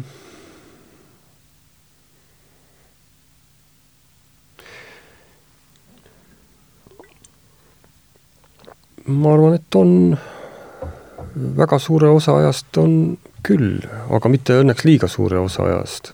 no ma saan jällegi ainult eh, seda rääkida, kuidas on mu endaga see asi ja siis selle põhjal nagu järeldusi teha. selle, selle põhjal järeldusi teha, et siis, et siis nagu ikkagi noh, kannatus, see on mingis mõttes enese praeguse sei-, mugava seisundi ületamine, aga kui ma selles, see praeguse see mugava seisundi ületan, mis võib-olla kestab pool tundi ja mis on tohutu suur kannatus, no näiteks kas või hommikul võtan sellise raske filosoofia raamatu kätte, kus ma tean, et seda on raske läbi pureda, aga aga paari tunni jooksul ma saan sinna sisse ja siis see siis see arusaamine juba toob mingisuguse kerguse ja see kergus toob mingisuguse järgmise vaimutasandi, no ütleme siis kõrgema vaimutasandi, mis on juba kergem, seal on kergem, sa oled seal juba nagu tantsija, seal on nagu mängurõõm ja, ja, ja lõpuks siis võib asi näiteks viia mingi mõtte või, või jutu ideeni ja selle läbikirjutamine, no ütleme, see elutants siis igaühel ju väljendab see omas kutsumuses, siis, siis ma kirjutan seda ja samal ajal ma tunnen ennast kergelt nagu tantsides või isegi lendan. et siis, et siis ma saan öelda, et, et see küsimus oli, et kas elu on kannatamine. et, et see, et jah, elu on kannatamine sel määral, et see on nagu noh, uks, see on nagu, nagu, nagu roostes uks ühest vaimuse seisundist teise minek, mis on nagu õlitamata, sa seda, kui sa seda kaua ei ole kasutanud, siis võtid seal muugid ja sellega jändad ja siis sa viilid seal ja võib-olla muugid lõpuks selle lahti või viilid uue võtme, mis kohaldab sellele lukukeelele, mis tegelikult kogu aeg see vaimne, kahe vaimse tasandi vaheline uks, et selle lukukeel kogu aeg muutub, sest me oleme, elame ajas, me elame muutuvas ajas, olevikus ja, ja, ja kui me saame teha ukse valmis, kus lukk on, nagu ta on, siis tegelikult vaimses ukses muutuvad ka need lukukeeled, ehk siis iga kord, kui tahad, ütleme peale allaandmist või mugavustsooni jälle ennast nii-öelda vormi ajada vaimselt, siis siis tuleb sisuliselt ka uus võti, mingil määral uus võti viilida sellele lukukeelele. siis võiks öelda, et elu on kannatamine, aga see on seda väärt? see on seda väärt jah, et siis läheb nagu mänguks, et see on üks osa, see on üks tingimus selleks, et et elu läheks võimsaks mänguks, et see põnevaks mänguks, et muidu ta oleks lihtsalt niisugune nüri ja ta võib-olla ei oleks mäng. sellega mul tuleb äh, veel üks asi meelde, mis sa kunagi ütlesid, võib-olla ma mäletan seda ka täiesti valesti aga sa mainisid, et, et üks õige kirjanik peab äh, virelema või kannatama siis. et äh, mida sa sellega täpsemalt mõtled, et kas selline kõrglooming võib äh, tulla ainult kannatusest mm.? tõenäoliselt ma pidasin seal jällegi seda ikkagi noh, enda juhtumit silmas ja ma olen nagu iseloomult nõrk, ma peavad olema askeetlikud tingimused, suhteliselt askeetlikud tingimused, et vaim oleks selline, et läheks niisuguseks, hakkaks tööle või mängima. et kui on palju kõrvalsegajaid, äh, siis, äh, siis ma lihtsalt kukun ära või lähen nende segajatega kaasa või lahustun, lahustun nendesse muudesse energia, energiatesse, et ma võisin ka seda no me vist rääkisime jah, pigem sellisest äh, just nagu ma ei tea, isegi majanduslikust Aa. kannatamisest mm, -hmm. et, et et nende sega, segajate all võib-olla siis sa mõtled äh, mingisugust luksust või, või? tõenäoliselt luksust, kui kõik on noh, luksust ja ka seda, kui on, muidugi kui on mm, kiire või kui hästi palju asju on ajada, siis, siis ei saa juttugi olla siin mingisugustest uutest ideedest või mm -hmm. et see, et see vaimutöö ju nõuab, nõuab aega ja keskendumist ja siis üks vaikust ja, ja see nõuab askeetlikke tingimusi. Ja siis on õudselt hea, kui ei oleks mingit, mingit segajaid ega, ega võrdlusi, sest äh,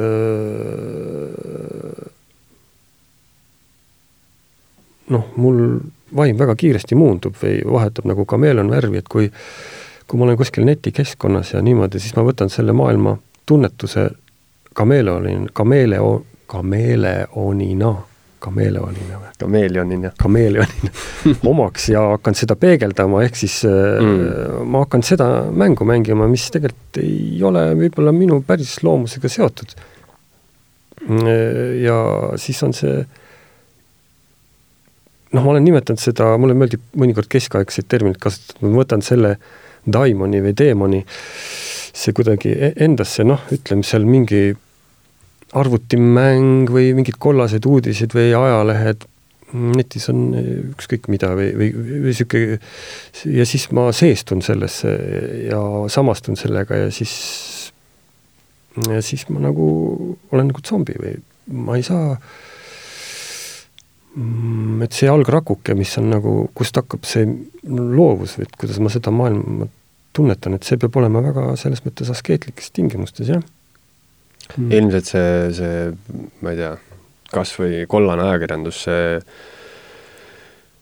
noh, ma kujutan ette küll, kuidas ta hakkab äh, reaalselt segama loomingulist ideed, hakkab sinna vahele trügima, sealt tekivad mingisugused assotsiatsioonid mm, -hmm. mingid seosed hakkavad juba sealt maailmast tulema ja siis noh, kui palju see sinu looming on, on ju mm. -hmm. teine asi, kui äh, ma olen nagu, nagu tugev, tugev, tugevaks äh, selle teatud aja perioodil, ütleme, mis kestab paar nädalat, oma vaimu tugevaks treeninud ja olen nii-öelda tugevuse, tugeva vaimu pinnalt äh, võtan mingi, seda on juhtunud, et võtan mingi Õhtulehe näiteks, äh, ma loen Venemaa kollast ajakirjandust, väga põnev on mm. ja sellised äh, e, mis juhtub, juhtuvad sündmused Venemaal ja seal on niisuguseid asju juhtunud, et, et mõni juhtum on lausa noh, nii inspireeriv, et mu aju kohe, mis on niisugusel hästi hästi vastuvõtlikul, ütleme niisugusel jahimehe või õngitseja, vaim, vaimse niisuguse õngitseja tasemel, ta kohe suudab seda mingiks jutu, et aa, see on ju nagu hea, hea lugu mm, -hmm. siit saab hea loo, hea loo sellest tõesti sündinud loost, kuidagi mingisuguse sümboolse loo, et neid juhtumeid põhjal, et siis saab seda, et siis hakkab see asi mängima.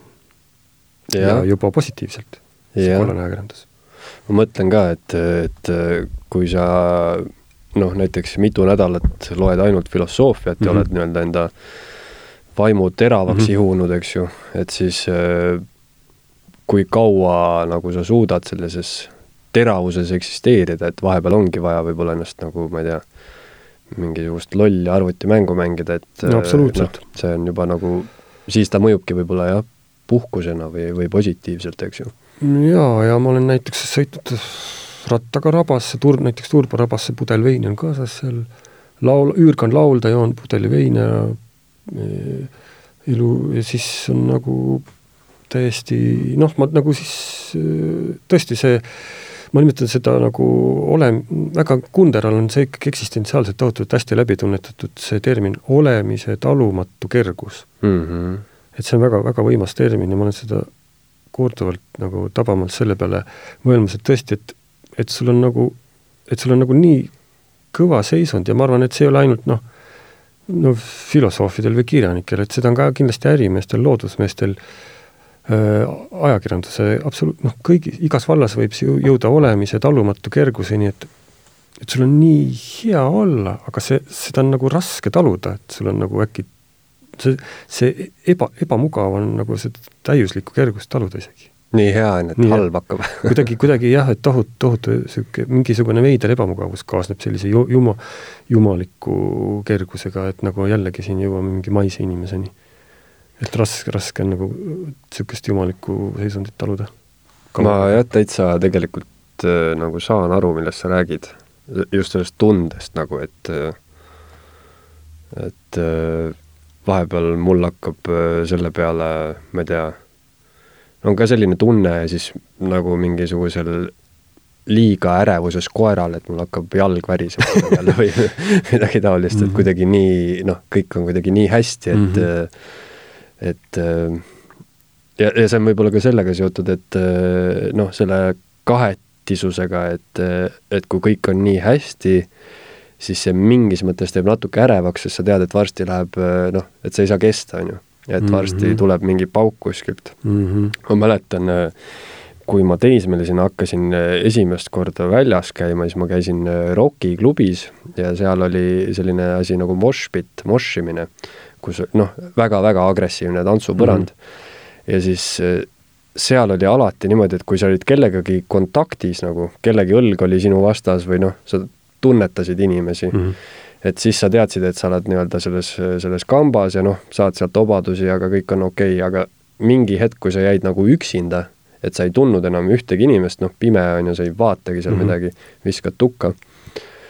aga kui sa enam ühtegi inimest ümber ei tundnud, siis sa teadsid, et noh, kuskilt tuleb nüüd, nüüd tuleb keegi küüranukiga ikka väga kõvasti kuhugi sisse no ja tuligi? ja, ja alati, et sa jah, sa pidid nagu kontaktis olema, et siis sa olid nagu sellest osa sellest liikumisest. aga kui sa kuhugi üksinda jäid, siis keegi tuli, kes pani sulle jalaga perse või?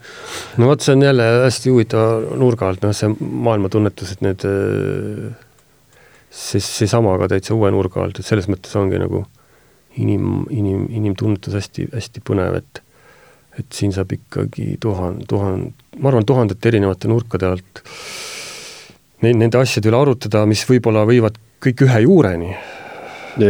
Aga, aga et, et, et siin, et siin maa peal maise inimesena on nagu neid nii palju eri tunnet, tunnetus neid eh, var-, var-, variante, et see on hästi, nagu minu meelest hästi põhimõtteliselt jah, et nii palju. Ja noh, sellega saab ka, minu arust saab sellega ka päris edukalt ära põhjendada üldse, et miks kirjutada. Mm, -hmm. et noh, räägitakse, et kõik on ju kirjutatud, kõik ideed nagu, et sa ei suuda midagi originaalset enam välja mõelda, et absoluutselt kõik on kirjutatud, kõik lood on kirjutatud, aga noh, see ongi, et äh, sa kirjutad võib-olla sedasama lugu, aga, aga sa kirjutad seda lihtsalt mingisugusest teisest vaatevinklist ja, ja noh, see on huvitav, et sa mhm. jõuad võib-olla sama järelduseni mm, -hmm.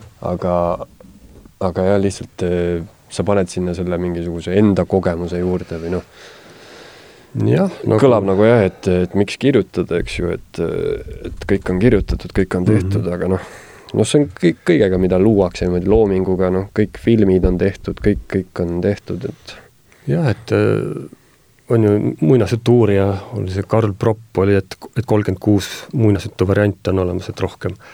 et siis on ülejäänud on variatsioonid ja ühel teisel teadlasel oli, et seitsekümmend kaks, aga noh, ikkagi nagu mm -hmm. üsna vähe, eks ole, et noh, need põhi, põhi, põhibaasid, et mis tüübist hakkab see, see kurjavõitlusseadusega ja et mis, mis laadi need on, et, et, et see kolmkümmend kuus või teine variant, seitsekümmend kaks varianti rohkem ei ole, aga, aga aga jällegi neid variatsioone on ju nii, nii palju, et kui me vaatame kas või Meister Margarita Bulgakovil või, või Gabriel Garcia Marquez'i Sada aastat üksildust, et et siis hea loo jutustaja, juba see toon, kuidas ta jutustab, mängib seal see stiil ja et sealt tulebki jah, see nüansside mäng, et neid variatsioone on õnneks, õnneks palju ja ja jätkuvalt palju et selle koha pealt ma küll ei, ei tunne, et nagu midagi hakkaks, midagi hakkaks otsa lõppema, nagu siin kahekümnendal sajandil vahepeal siin hõikasid välja, et oh, filosoofia lõpp on käes, nüüd ei saa enam midagi mõelda. või, või kirjanduse lõpp on nüüd täitsa käes ja siis noh, seal eriti seal Prantsusmaal ja või siis ja, väljend, et punk on surnud. või punk on surnud ja, ja, ja noh, nüüd ongi maailma lõpp, on ju, et no mis siis, mis siis enam, kui punk on surnud, no siis on ju kõik läbi aga ikka hakkab siin kuskilt arenema jälle midagi uut. jah, ja nende lugude mõttes võikski noh, ma ei tea, kas kolmkümmend kuus või seitsekümmend kaks põhimõtteliselt võiks ju seda ümardada üheni, et kõik on ainult hea ja kurja võitlusest. aga mm, -hmm. aga jah, selle stiili osas, et, et äh, kuidagi ma olen tajunud, et on äh, kahte sorti kirjanikke, et on need, kes äh, kes peavad oluliseks seda, mida kirjutada ja need, kes peavad oluliseks seda, kuidas kirjutada. et kuidas sina sellesse suhtud mm? -hmm. et mida ja kuidas, jah mm? -hmm. Mm -hmm. et no selles mõttes muidugi mm, -hmm. kui sa oled kirjanik, et noh, niikuinii on oluline ka sinu jaoks see, et mida sa kirjutad, aga, aga noh mm, -hmm. on selliseid väga, ütleme, produktiivseid kirjanikke, kelle stiil on võib-olla igav mm -hmm. ja mõttetu mm, -hmm. aga nende lood on väga-väga põnevad mm. -hmm. Nemad siis kuuluvad just sinna, et nad peavad oluliseks, mida mm -hmm. kirjutada, eks ju. aga, aga teised jällegi keskenduvad ka väga sellele, et kuidas kirjutada mm. -hmm. kumba koolkonda sina kuulud? no, no loomulikult ma ütlen, et mul on mõlemad väga olulised mm,. mida ja kuidas. ja siis, aga loomulikult ma nüüd kohe kasvan sellest aru ja ütlen ka seda, et üle oma varju ei hüppa, et mul on mingisugune stiil, mis on mul noh, nagu lind, lind laulab, eks ole, et, et see on noh, kuidagi, kuidagi ta on, ta on võib-olla kaasa antud, muidugi ma olen selle arendamisega ka vaeva näinud, lugedes eri autoreid, aga et ta noh, ta on mul olemas, ta on mul kohvris kaasas kogu aeg, eks ole, võtan välja niisuguse nagu võlukepike ja siis, aga siis see mida, noh, see on, ma arvan, ikkagi öö, äh, mm, eelkõige selles mõttes oluline, et ma nagu, kui ma hakkan stiili peale mõtlema, siis ma nägin sellega vaeva ikkagi kuskil tohutult võib-olla kahekümnendates eluaastates loomulikult kuigi mingisugune stiil andis kohe kätte ja ma jäin sellele truuks, aga eks, eks nende lausete seadmisega oli ikkagi algul muidugi rohkem vaeva ja sellega on ka selles mõttes praegu vaeva, et kui noh, näiteks ma kirjutan praegu romaani, noh, see on selline nagu kootiromaan, õudussugemetega võib-olla noh, nimetame siis, et see Eesti esimene ökoõudusromaan või kus, kus on nagu metsa, metsa kaitsest kaudselt juttu või noh, mis on nagu päevakorral meil ka mm. -hmm. et aga siis äh, no sisust ma ei hakka loomulikult rääkima, et siis, siis ei oleks enam huvitav, aga ütle vähemalt seda, kes on peategelane, kas naine või mees? peategelane või? kolm peategelast on, kaks neist on äh, meessoost ja üks on naine.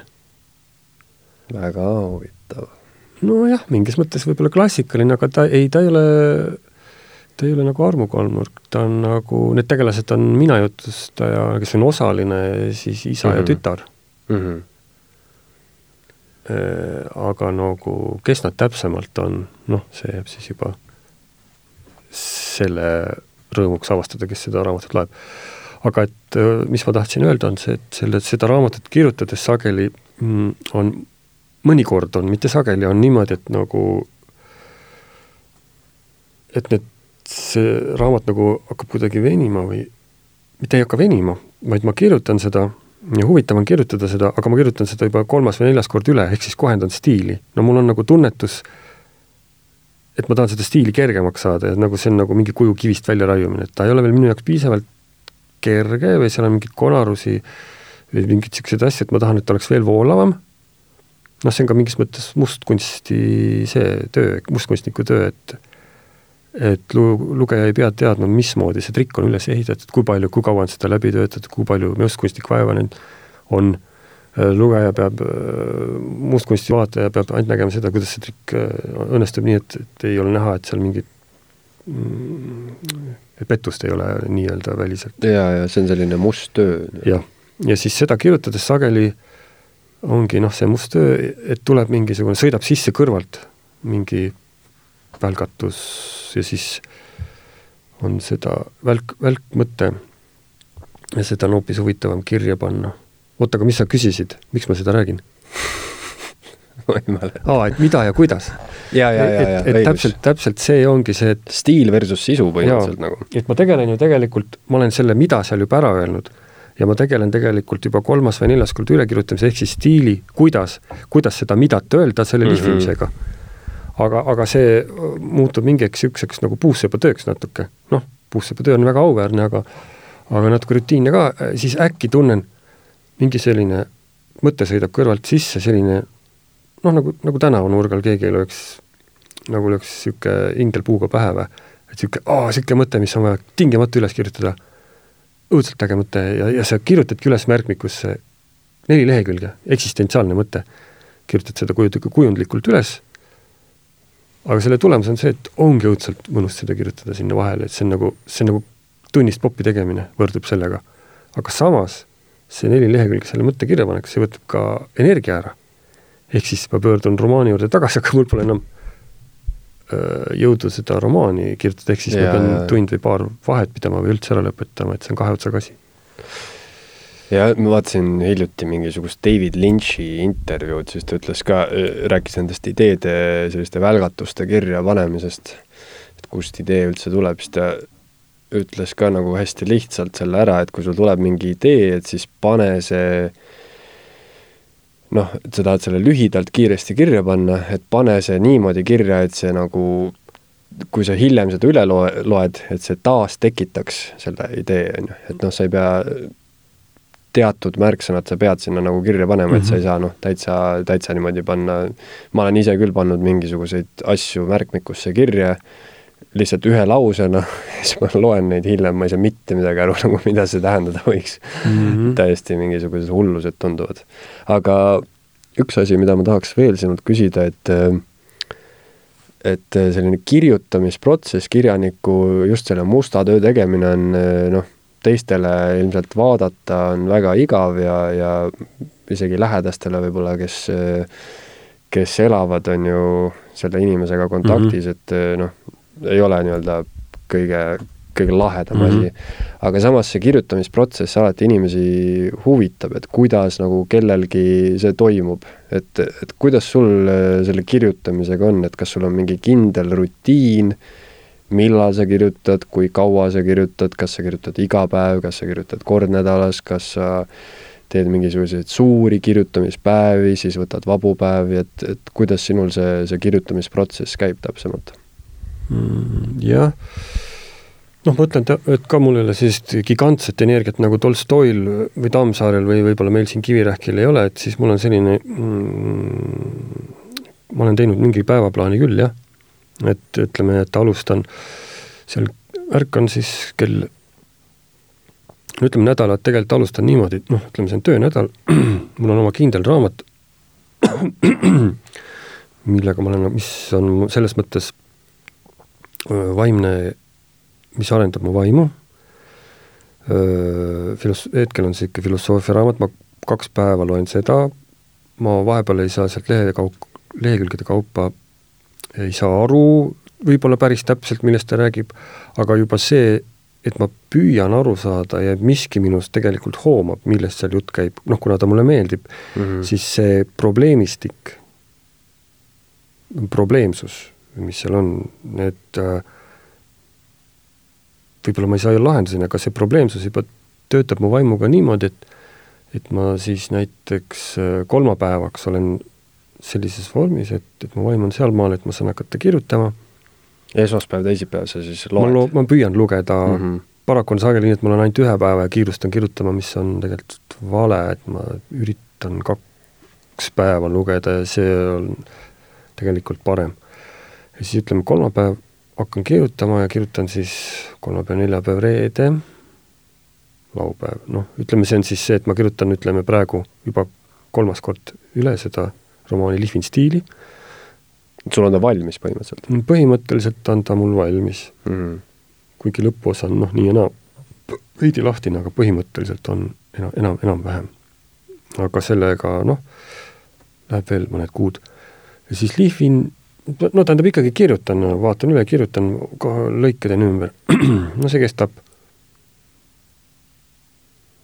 kui intensiivselt suudan töötada kolm tundi, neli-viis tundi on parem siis on energia otsas mm. -hmm. aga seal on ka sageli see, et mingi kõrvalt sõidab mingi mõte sisse, siis siis vahepeal vaatan aknast välja, et, et see, et see on natuke äh, võib, võib-olla ma olen selline li-, liblika tüüpi inimene siis või, või selline hajameelse või laisa, laisa, laisa liplika tüüpi, et, et kui tuleb nagu õnnestunud lõik või paar-kolm lauset, siis ma, siis ma võtan, võtad aja maha, võtan aja maha, vaatan aknast välja, kõigun tooli peal ja ilus päev on. naudin seda hetke, on ju, kuigi, kuigi samal ajal peas kriibeldab kuklas, et kurat, tegelikult see peaks töötama, et näed, no mis see töö, tööpäev on ju mm, -hmm. see siin, jaa, ei ikkagi on, ei ikka mõnus on olla kirjanik, tead. niisugune unele, jääd unelema ja siis pool tundi kuidagi uneled seal siis pagan, nüüd on pool päeva on ära raisatud, no nüüd, nüüd, nüüd siis on ju, ja siis jälle tuleb seal võib-olla mingi hea lõik ja siis hakkab jama sama pihta, et see selline, niisugused väiksed võitlused oma tahtejõuga hmm. kestavad ikka igapäevaselt, et et selles mõttes on nagu natuke naljakas isegi see kirjaniku elu noh, just see, see töötuba mida, mida keegi ei näe, et kujutlus on sellest, et kirjanik on nagu kummalgi paberi kohal ja paneb seal ja, ja, ja, kaua, on ju. see, see on, võib-olla see kellegagi nii on, minuga küll ei ole. no selliseid erandeid ilmselt on. no ma kujutan ette, et Tammsaare oligi selline. jah, või siis see, see kuulus äh, Jack Kerouaki Teel mm -hmm. vist oli ka, mis ta pani mingi ma ei mäleta, mis, kas kolme päevaga pani selle kirja ja kõik ühele mm -hmm. poognale vist või midagi taolist mm. -hmm. jaa, tal oli siis ka see mm -hmm. ühe hooga, jah. et ilmselt see on jah, nagu erinevate kirjutajate nagu ma ei tea, kas sõl-, sõltubki siis äh, energiast mm -hmm. või, või nende ma ei tea, töökultuurist või, või kuidas nad on ju kirjutavad, et mõni kirjutab äh, iga päev kindlal kellaajal nagu üheksast kaheteistkümneni ma kirjutan, eks ju. aga, aga mõni kirjutab siis, kui vaim peale tuleb. noh, siin, siin oligi, ma kirjeldasin seda stiili lihvimist, aga muidugi, kui tuleb idee peale või noh, see, mis sõidab sisse, siis mm, -hmm. siis muidugi kirjutan seda olen ka kirjutanud kolm tundi järjest või niimoodi, siis, siis see inspiratsioon kannab nagu mm, -hmm. et selles mõttes on no selline luuletaja tüüpi kirjanik, et tuleb idee, et siis, siis on tõesti see, sa oled nagu seestunud, sa kirjutad selle ära, aga vot kui tuleb ületöötamiseks, ehk siis nii-öelda selle stiili lihvimiseks ja nii, et siis tulevad need uneluspausid ja niisugused, et oh mm, -hmm. saaks juba valmis, aga ei saa, siis kirjutad edasi ja siis vaatad aknast välja ja siis vahepeal kõnnid ringi ja ühesõnaga, et see stiili tarbijasõbralikuks tegemise protsess on pikk ja vaevaline mm. -hmm. selle idee kirjutamisest. aga kuidas sa näiteks kirjutades, kas sul noh, näiteks sellest romaanist rääkides, et kas sa kirjutasid romaani nii-öelda ilma töötlemata kujul ta valmis ja siis täiesti algusest otsast hakkasid seda nii-öelda lihvima? või sa teed ikkagi niimoodi, et sa kirjutad, ma ei tea, näiteks peatüki valmis ja siis siis hakkad teda lihvima, et kas see toimub nagu protsessi käigus või sa panid kõik ühe joruga ikkagi nagu kirja ja siis võtsid täiesti algusest uuesti ette mm.? ei, sellega oli üldse kuidagi nii, et algul ta pidi mul jutuna tulema, aga, aga siis kuidagi noh, ta on nagu allegooriline või noh, selline nagu noh, ta on nagu lugu natuke fantaasialugu ikkagi mm. -hmm. ta on nagu ikkagi õudusromaan mm,. allegooriline või no mitte, aga no ikkagi selline kooti õudusromaan. kooti? noh, võib ka seda öelda jah, et nagu kooti, et no niisugune nagu hämar, sünge, seal on niisugused mm -hmm. hämarad sünde, sünged interjöörid stilistiliselt. aga samal ajal on ta ka mu autobiograafia. ma olen sinna oma enda loo sisse kirjutanud, samal ajal on ta mu arus samal ajal on ta ka mingi Eesti looduse lugu, siis äh, nagu et ja vahepeal oli täiesti niisugune lootusetu tunne seda kirjutades, et ma olen nagu kuskil ookeanis, ühtegi mandrit ei paista, no umbes sama tunne, nagu sa enne ütlesid, seal kambris inimene lebab, tal puutub, kaob iga kontakt ära, et et ka romaani sees kirjutades võib see, tulla ja tuligi, et et täitsa lootusetu, et no jätan pooleli, et nagu ma, ma ei saa selle teemaga hakkama, see, ma olen selle, upun sellesse ära ja nii edasi. ja siis läheb mitu kuud mööda, siis võtan selle uue käsile, ehk siis ehk siis ma olen seda kirjutanud juba nagu seitsme, seitsmes aasta, et, et ma tüübilt olen nagu lühijutu kirjutaja, luuletaja, et, et see, et see romaan mingis mõttes on noh, võib öelda auto, autobiograafia läbi läbi siis, läbi Fantaasia lillede või et mm, -hmm. et sellest ei pruugita aru saada. seda ma tahtsingi küsida, et kaua, kui kaua sa romaani kirjutad? seitse aastat oled siis no see on nagu vaheaegadega seitse aastat mm, -hmm. et vahepeal siin paar jutukogu välja antud ja luulekogu, aga seitse aastat on see protsess kestnud ja see idee juba vist, see idee, esimene visand sündis vist üldse kümme aastat tagasi. aga jah. Äh, kui sa kirjutad äh, fantaasialugusid. et äh, kas sa kirjutades ka mõtled sellele, et äh, noh, toome mingi lolli näite, et kui sa kirjutad äh, loosse tegelase, kes suudab lennata mm, -hmm. et kas sinu jaoks on kuidagi oluline ma ei tea, kuidagimoodi põhjendada realistlikult, miks ta suudab lennata või, või kas sellise nagu üleloomuliku loomine, kas see peab olema sinu jaoks põhjendatud või, või sa täiesti valimatult oled nagu jumal ja võid tegutseda kirjanikuna ja teha, mida sa tahad mm,? jah, hea küsimus, et et ikkagi siin tulevad ka välja see samast sisse see, kuidas, mida, mida ja kuidas, eks ole, et see, see, mis lendu tõstab, on väga oluline mm. -hmm. ja selle kirjeldamine, see detailne kirjeldamine on väga oluline. aga, aga seal ongi just siis ideaalis see, et see, see tundetoon, toon, kui sa tõesti oled leidnud seda, ma nimetan jällegi seda vaimu või hinge alkeemiaks, et noh, miks ma, miks ma loen nüüd filosoofiat või mingit, et see tõstab su mõtlemise sinna tasemele, et mm,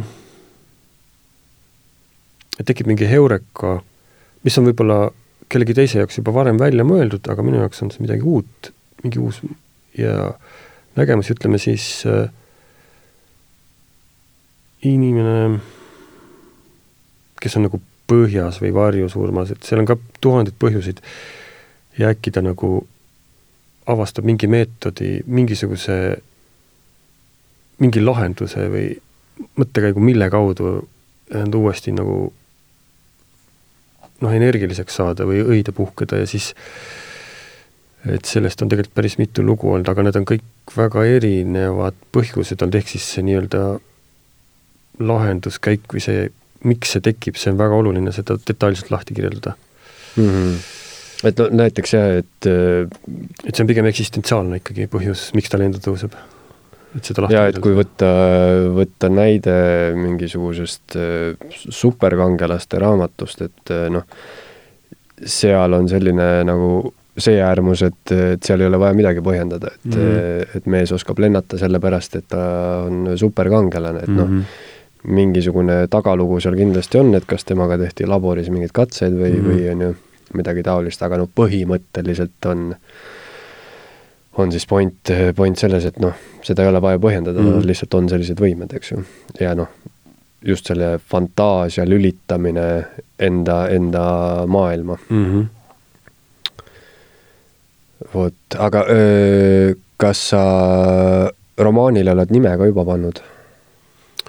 hiljuti mõtlesin selle välja, jah. ehk siis sa paned nime siis, kui sa oled ikkagi valmis kirjutanud asja ma põhimõtteliselt jah, et mul oli siin tükk aega teadmata kadunud, aga see oli mul selline töö pealkiri, et kuna seda on nii, seda on nii üle ekspluateeritud, et noh, kuigi ta sobiks, aga et siiski mm -hmm. seda ei pane. tegelikult lõpppealkiri on veel lühem, isegi ühesilbiline, noh, ma veel välja ei, ei ütle. ei saa öelda veel, jah? ma veel, selles mõttes välja ei ütle, et ma olen ebausklik. aga, aga ma võin öelda, et ta on ühesilbiline, neljatäheline ja, ja et noh, peaaegu ühesilbiline peaaegu igav pealkiri, aga, aga samas ta ei ole, sest seda sõna väga tihti ei kasutata. oota, ühesilbiline, neljatäheline mm? -hmm. Hmm. et neid ei ole väga palju või ei, ma hakkasin mõtlema, et tegelikult on. ma mõtlesin, et äkki on mina, aga see on kahesilbiline. aga mis mõttes sa ebausklik oled? Et äh, ei tohi öelda välja, siis ei sünni asja? ei, isegi võib-olla mitte seda, aga noh, tegelikult ma olen nagu noh, paranoiline või siis noh, vaimuhaige, ma kard-, ma kardan, et see varastatakse ära ja pa, keegi paneb äh, ise novelli või kuskile, kirjutab ruttu romaani kolme kuuga, et ja. et, et nii hea pealkiri, et panen selle kolme kuuga, kirjutan romaani ja paneb, varastab ära, et noh, et äh, siin on mu isik-, isi-, isiklikutes luuledes mm -hmm. probleem muus midagi. ja ma mõtlesin, et see on äh nagu räägitakse sellest, et äh, noh, ma ei tea, et kui sa ütled kõva häälega välja mingi plaani mm, -hmm. siis sa justkui võtad sellelt jõu ära, et noh, mingi suvaline näide, inimene, kes kuulutab alati kõigile, et ma nüüd lähen dieedile või mm -hmm. hakkan kaalust alla võtma, siis, siis ta tegelikult seda kunagi ei tee, et ta kuidagi mm -hmm. et... jah, ka nii võib mõelda. et äh tegelikult ma olen ka vahepeal niimoodi mõelnud, nii et, nii et ka see võib selle, ka selle aspekti võib jah mängu tuua mm. -hmm. et kui sa ütled, et ma kirjutan romaani, siis mm -hmm. sa mhm. justkui äh, võtad sellest äh, protsessist jõu välja või noh mm -hmm., sõnud ära nii-öelda. on, on sul veel mingisuguseid niisuguseid äh, ebauske? ma arvan, oi jumal, ma arvan, et kindlasti on jah kui must kass üle tee läheb, siis no mul kas... on see ebausk, et äh, kui, noh, seda ütles vanaema, kes ka praegu elab, palju tervist talle, üheksakümne kolme aastane vanaema ütles, et äh, juba aastaid, võib-olla kümme aastat tagasi, et kui läheb uksest välja ja siis, kui sa lähed uksest välja ja kui sul midagi maha ununeb, siis, siis vaata peeglisse, et muidu see väljaskäik võib seal ebaõnnestuda või see ei lähe korda. Ja nüüd ma vaatangi alati peeglisse, et tuleb peeglisse vaadata ja naeratada niimoodi et siis ma muidugi naersin selle peale, aga hiljem hakkasin seda tegema, sest aga mis loogika seal taga on? seal ei ole mingit loogikat, seal on mingisugune ürginimese ebausk taga lihtsalt mm. või, või abstraktne hirm, ma ei tea, mis asi. seda ma ei olegi kuulnud kunagi mm.. ma jah, noh, kõige tuntum neist on jah see, et kui must kass läheb üle tee, siis juhtub midagi halba mm. -hmm. noh, see on ka jah. aga noh, see jah, see ebauskude maailm on kindlasti ma ütleks selle kohta, et see on seostamismaailm ja, ja kui sa oled loominguline inimene, siis sa oskad kõike kõigega seostada mm. -hmm. või noh, kõiges näha nagu mingisugust põhjust. jaa, märkide, märkide nägemine.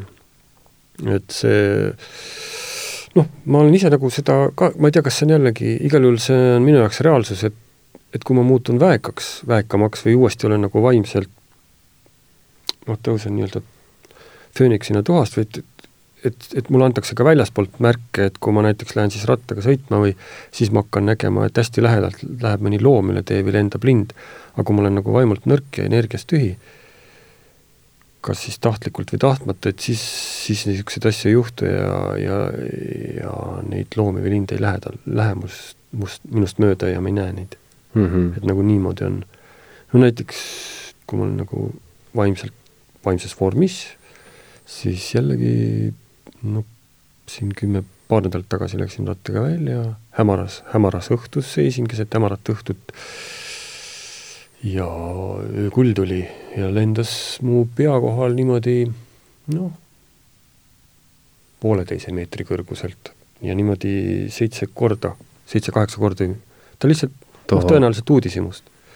ja seda on ka varem olnud, no ma ei tea, kas need on noored kodukakud või mingid muud kakud, aga aga see igal juhul öökull niimoodi lendab ja see oli minu jaoks märk, et nüüd on, nüüd on, nüüd on nagu korras, et ma olen õigel teel jälle mm.. asi, asi toimib, see on nagu kinnitus. tahaks küsida vist kõige lollima küsimuse ka, et kust sa inspiratsiooni saad? ilmselt seda on küsitud sinult palju. Mm mm.. et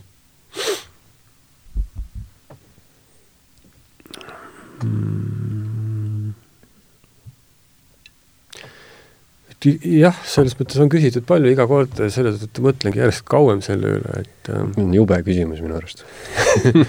On jah, aga ma siiski üritan selle üle mõelda ja ka, ja ka vastata, et noh, on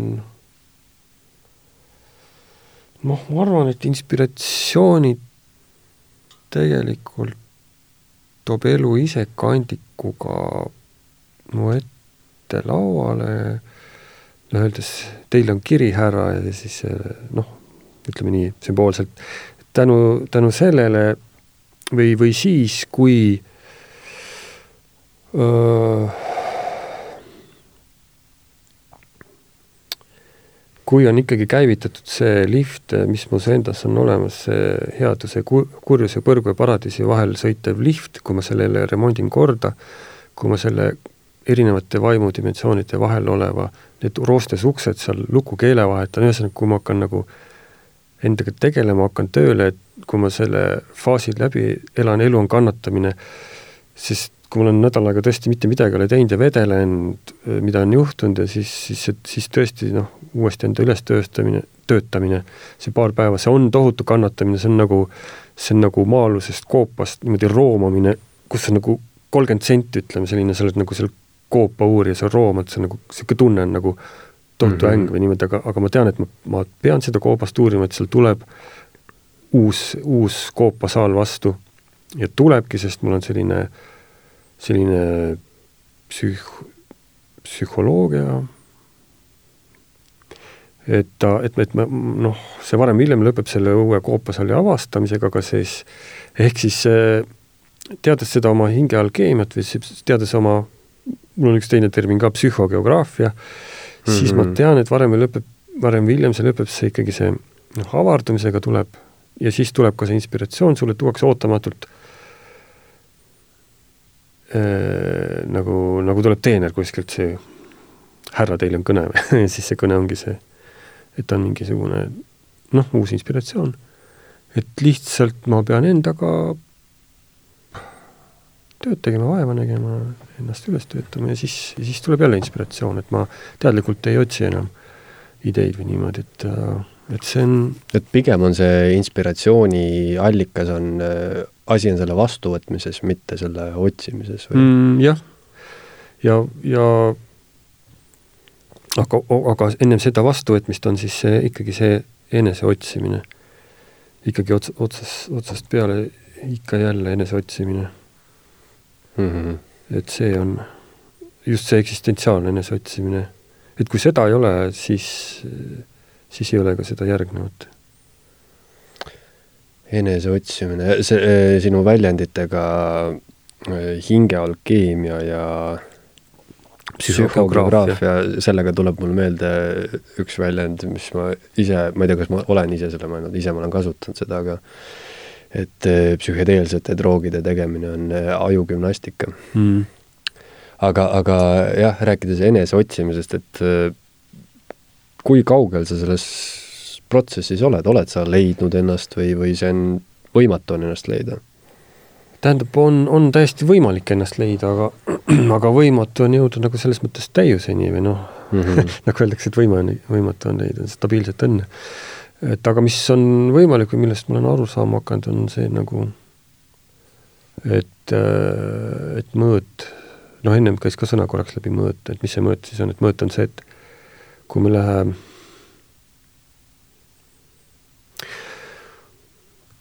et mõõt on, mõõt on nagu see, et kui ma doseerin nagu kõiki värve, kõiki psühholoogilisi värve nagu selles mõttes teatud kogustes, et nad on nagu, et see sarnaneb nagu piltlikult kõiel kõndimisega.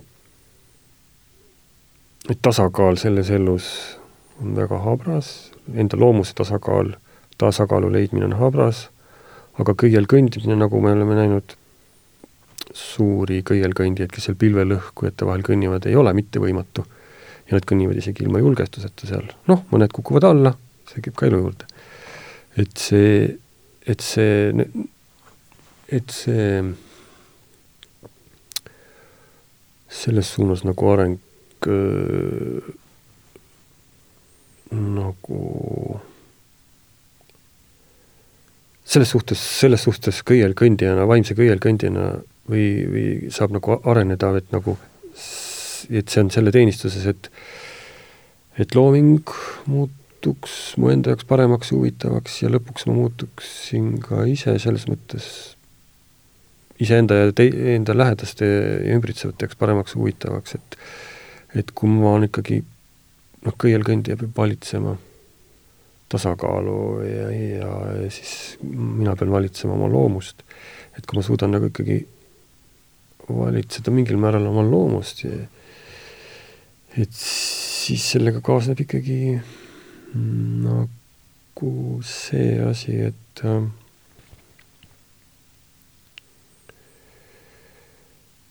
et valitseda ka sel mood-, selles mõttes loomust, et nagu kui on, et kui on nõrkuse ja tunnen, et noh, energia muutub juba mustaks energiaks või ületöötatud energiaks, et masin käib tühjal käigul, ma kordan ennast, et siis oskus juhe välja tõmmata, oskus rumalaks muutuda, os-, oskus teatud ajaks juurde viljastuda, ilma et ma seda põeks äh,, et laadida patareisid, noh. See põdemine on vist tõesti, see on just äh nagu sa, sa nimetasid ennast enne, et vahepeal sa muutud närviliseks, targaks inimeseks mm. -hmm et see, mulle tundub, on äh, väga paljude selliste närviliste tarkurite probleem, et kui mm. nad äh, või noh, üleüldse äh, ambitsioonikate inimeste probleem, et, et kui äh, nad ennast nii-öelda välja lülitavad mm. või nagu noh, lolli mängivad natuke mm -hmm. aega, et siis sellest tekivad metsikud äh, süümepiinad, et, et noh, ma ei tee midagi kasulikku, et et ma võiks praegu noh, kas või ma ei tea, õhtul vaadata mingisugust tarka dokfilmi, aga mm. ma vaatan mingit seebikat. ja, ja või jah, mida iganes seal, et sööd kärbseseent või noh, et, et issand, mis tagajärjed sellega kaasnevad või mis neid, et jah, et see mina samastamine tarkusega, see on kahe otsaga asi, et aga no näiteks enese, enese leidmisest, otsimisest, et et noh, sinu jutust ma saan aru seda, et, et vähemalt sinul tuleb sellega teha metsikult tööd ja sa pead sellega aktiivselt tegelema, aga noh, enese leidmine või selline, et eh, kui ma nagu absoluutselt mingit tööd ei tee ja üks kõige suuremaid faktoreid on aeg mm -hmm. ja noh, aeg kuidagi, no selle kohta on mingi miljon erinevat vanasõna, aeg annab arutust ja õpetab mm. -hmm et eh, mainisid ka enda vanaema, et mm -hmm. ütleme, kas sinu üheksakümne kolme aastane vanaema tunneb ennast paremini või nagu selles mõttes teab on ennast rohkem leidnud, kui sina oled, lihtsalt tänu sellele, et ta on sinust nii palju vanem mm,?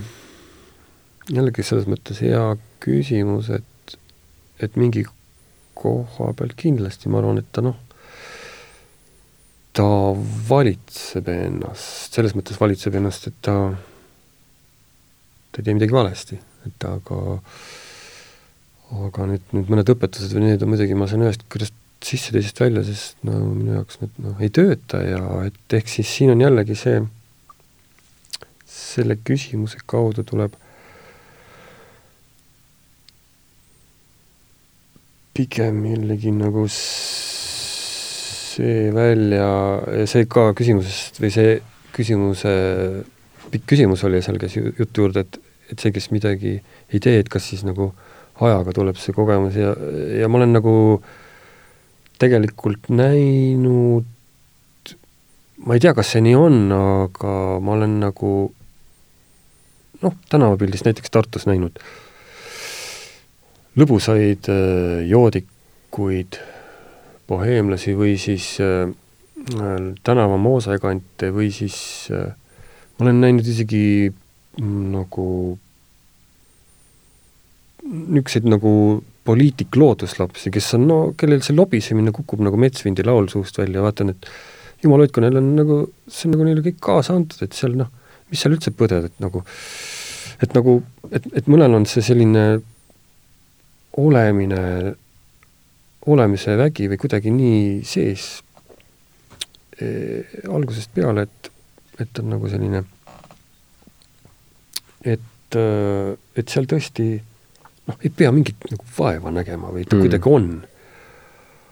aga mis minul on see vaevanägemine, et ega ma ju vaevanägemise pärast vaeva ei näe, et see käib lihtsalt mul selle mängu, elu, elu, elumängu juurde, et ma pean hästi, vahepeal hästi palju asjadest aru saama. pean tajuma nagu kõige hästi niisugust intensiivset vaikust või pean nagu oma, kuidas öelda, sellise kolmanda silma saama, et ma nagu hõljun enda minast eemale, üldse see mina tunnetus kaob nagu ära, et on lihtsalt vaatleja, seda ei saa kaua teha, siis pean nagu tulema tagasi, et see nagu rikastab tohutult elu ja ka pärast seda on mul see jumalik luksus või rahu siis juhe seinast välja tõmmata ja laiselda jälle siis, kui ma selle perioodi olen läbi teinud kõik. ehk siis see kõik käib nagu selle kirjanikuks olemise protsessi juurde, see, see värk mm. -hmm. et nagu tundub nagu, nagu hästi palju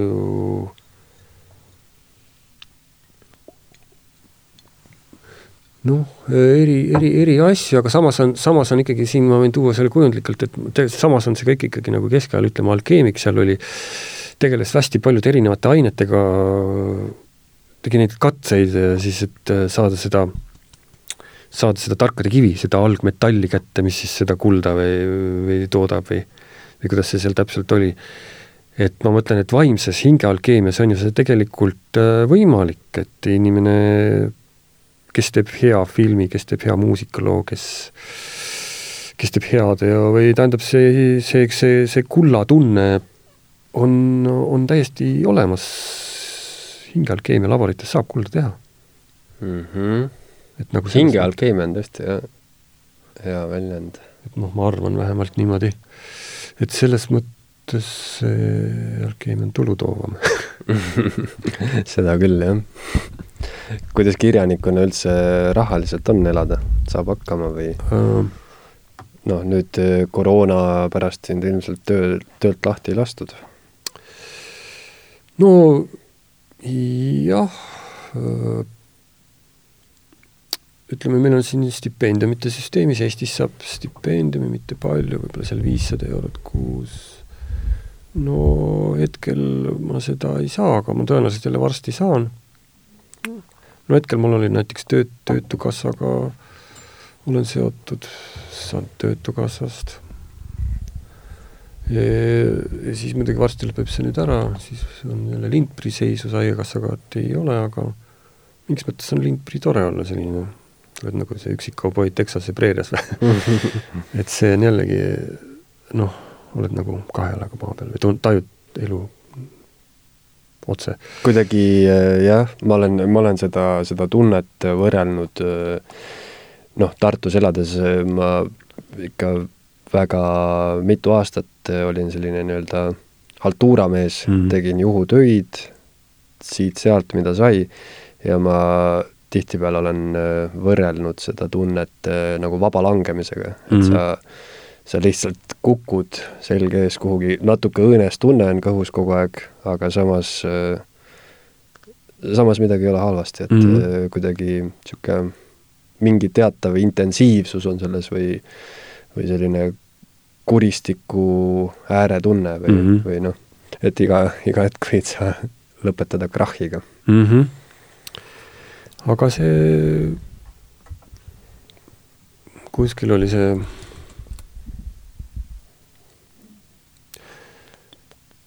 kuristiku äärel, kuristiku äärel kõndimise, serval kõndimisel oli kas-, Castanedal oli kunagi see et äh, leidis see,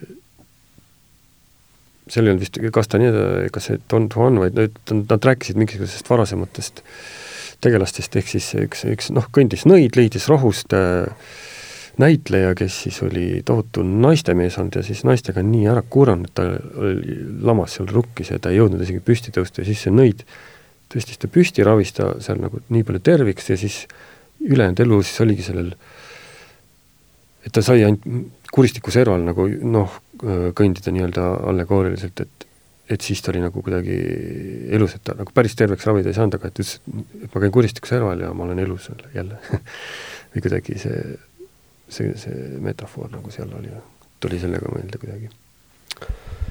ma kuulsin äh, just üleeile vist äh, Aavo Rein Tereping käis saates, siis ta ütles, et kõige klassikalisem psühhopaat on Don Juan. ah, päris huvitav. ja naiste võrgutaja, tapja ja vägistaja mm. -hmm. ja süümepiinadeta, halastamatu mm, -hmm. halastamatu naistemees. jah, ka oma, oma koha pealt võib tal ju täitsa õige mm. -hmm. teiseks ta nimetas äh, James Bondi mm.. see on ka selline psühhopaatiliste iseloomujoontega isiksus mm. -hmm. Aga Castanedast rääkides, mida sa ise loed või, või mida sa soovitaksid lugeda mm.?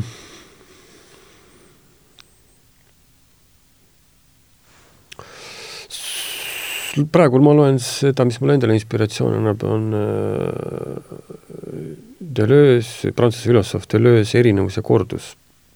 Väga huvitav raamat minu jaoks ka stiililiselt ja loomulikult mõt-, eelkõige mõtte, mõttetiheduselt. Eesti keeles loed seda, jah mm? -hmm. Margus Otti väga heas tõlkes tõesti on tunda, et ta on seal ise ka seal hästi niisuguse rõõmsalt seda tõlkinud, on tunda seda energiat mm. -hmm. et ma loen ikkagi raamatuid jah, mis annavad, mis annavad konkreetselt energiat, vaim, vaimuenergiat ja üldse energiat, et ja seetõttu ma ka hästi valin ja soovitan muidugi lugeda selliseid raamatuid, mis on selles mõttes igihaljad, mida või noh, üldse osta, et mida, mida, mida um, sa tead, et teist korda paned selle ka, võtad riiulilt kunagi välja ja loed, noh, siin on no, esmased näited tulevad muidugi meelde kohe seal Dostojevski vennad Karamaasovid, Bulgakovi Meister ja Margarita, siis äh, minu jaoks ka see ei ole vahet, kas ta on täiskasvanute või laste raamatud, Mihhail Ende Momo ehk lugu tüdrukust, kes inimestele nende varastatud ajal aga, tagasi tõi, nagu allegooriline, aga väga hea loo ka ja hea stiiliga muinasjutt. Seal on küll kesk, keskmisele või vanemale kooliajal oli vist seal taha kirjutatud, aga tegelikult on ta ikkagi nagu täiskasvanute muinasjutt. laps ei pruugi sellest aru saada, sest seal on tohutu suur elutõde ja, aga siis millest ka laps saab aru ja, ja täiskasvanu naudib, näiteks on krabat Otfrid Preusleri, eks ole, selline sünge, võiks isegi öelda, õudusmuinasjutt, aga ikkagi jällegi väga hästi kirjutatud. Otfrid Preusler oli selles mõttes kaval saksa lastekirjanik, et ta kirjutas seitse või kaheksakümmend raamatut ja suhteliselt kiiresti. aga siis tuli tal üks väga hea idee ja ta teadis väga täpselt, et see on nii hea idee, et seda ei maksa ära laristada kiiresti kirjutamisega, ta võttis selle jaoks endale kümme aastat muude tööde kõrvalt nagu muid töid tegi edasi, aga seda ta siis lihvis nagu pärli kümme aastat, see krabat, et siis on üks, mis oleks selline, mis tõesti jääb. Ja ta ar-, arvestused olid õiged, et tõesti, see on, see on nagu, on tunda, et selle kallal on palju tööd tehtud ja ei ole tunda samas seda higi ja pisaraid, et ta nii osavalt selle lihvinud. Ja samal ajal see lugu, see see, see Krabati ja seal see veskimeistri ja nende õpiposti ja et see, et tõesti võiks olla äh, et äh, selline et ka, ka ma ise kirjanikuna mõtlen, et, et üks, üks, üks raamat, mida sa kirjutad kaua ja, ja siis võib-olla mm. aastaid muude kõrvalt, et mis on tõesti siis selline, mille sees mina selline peegelduste või asjade mängu, noh, ma nimetan seda nagu, on olemas raamatud ruudus, mis on hästi põnevad, sa loed need läbi, aga sa tead, et sa teist korda neid ei loe, aga siis raamatud kuubis, mis on niimoodi, et et nad on nagu lõpmatud raamatud, nagu, nagu Borgesel oli väljas lõpmatu, tal oli see liivaraamat, lõpp, lõpmatu liivaraamat, et lõpmatu raamat on selline, et võtad ikkagi uuesti kätte ja vaatad, huu, täitsa huvitav, kuidas ma nüüd saan teda nagu uut raamatut lugeda, et seal on mingi emotsioon või, või või vaim salvest-, salvestatud niimoodi, et ta töötab, töötab iga kord nagu, nagu uus asi, et et selliseid raamatuid soovitaks lugeda ja õnneks neid, neid ei ole väga palju, aga neid on ikkagi maailm, maailmakirjanduses. ja noh, Eesti, Eesti kirjanduses ma arvan, on see Toomas Nipernaadi ja Tammsaare Tõe, Tõe ja õiguse võib-olla esi, esimene kõide kindlasti aga siis mul on veel väga meeldinud Arvo Valtoni Teekond lõpmatuse teise otsa. et ja, ja loomulikult on ka erandid olemas, seesama Jack Kerouaci Teel, mis, mis ta kirjutas. Vist, kui mina, mina mäletan mingi seitseteist, seitseteist päeva, aga võib-olla ma eksin, et, et, et see täitsa võis olla ja ma lihtsalt mäletan, et kiiresti et ta on niisuguse noh, vaata noorusliku geniaalsuse kirjutatud, et, et ka seda saab mm -hmm. üle lugeda ja seal on niisugune energia tohutu sees lihtsalt. et ja muidugi luulekogudest on Eesti lemmik vist Mari Vallisoo, selline lüüriline ja mänguline poeet. ja neid on, neid on ja muidugi jutt jutt, lühijutt on jällegi nii, et siit-sealt erinevatest jutukogudest saaks eraldi almanahhi lausa kokku panna mm. -hmm. et on, on, neid on nii ja nii. no idakirjandusest siis Andres Hein tõlgitud Puu Songlingi Libarebased ja kooljad, kus on siis see ehtne Hiina kirjandus seitsmeteistkümnenda sajandi hi-, lõpuhi kirjutatud, kus, või kaheksateistkümnenda sajandi, kus hiinlased veel ei kopeerinud eurooplasi ja see oli niisugune jällegi hästi niisugune õud-, õudusmõnestatud nagu oma niisuguse elu, eluallegooria või filosoofiaga õuduslood, aga, aga samas ajal hästi põnevad. puusong, ling, libalebasid ja kooljad ja ja ja ma loen ka hea meelega igasuguseid põnevusjutte, kuna ta on hästi kirjutatud, tõesti. Hercule Poirot ja midagi sellist? isegi mitte, krinkasid mitte, aga, siin äh, Bradbury novell, niisugune lüüriline ulmekirjanik mm, -hmm. kes on samal ajal ka põnev. Ray, jah. vist ah., vist on Ray Bra. Ah. Ray Bradbury. Ray Bradbury, jah. nii, Mehis, äh, rääkides äh, jah, romaani kirjutamisest, siis äh, noh, sa ütlesid ka enda kohta, et sa oled pigem selline luuletaja tüüpi kirjanik, lühijutud on sinu põhiampluaa, et mis on näiteks novelli ja romaani kirjutamise vahe mm? -hmm. novelliga on nagu mm, seal ei saa väga, no ta on jah, hästi niisugune konkreetne. kas novell on nagu lühivormis romaan? ei, mm, ma nii ei julgeks öelda, ma arvan, et äh,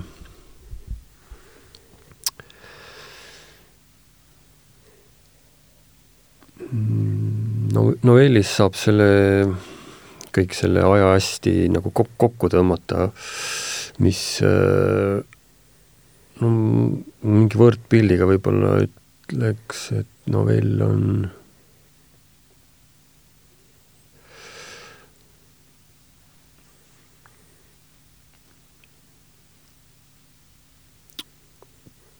oota, ma mõtlen.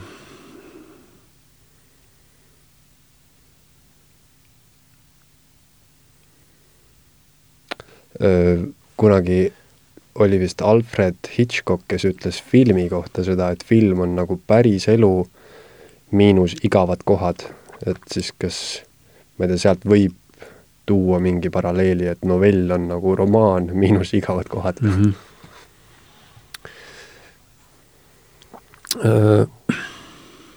no novell, see on nagu mm, et äh,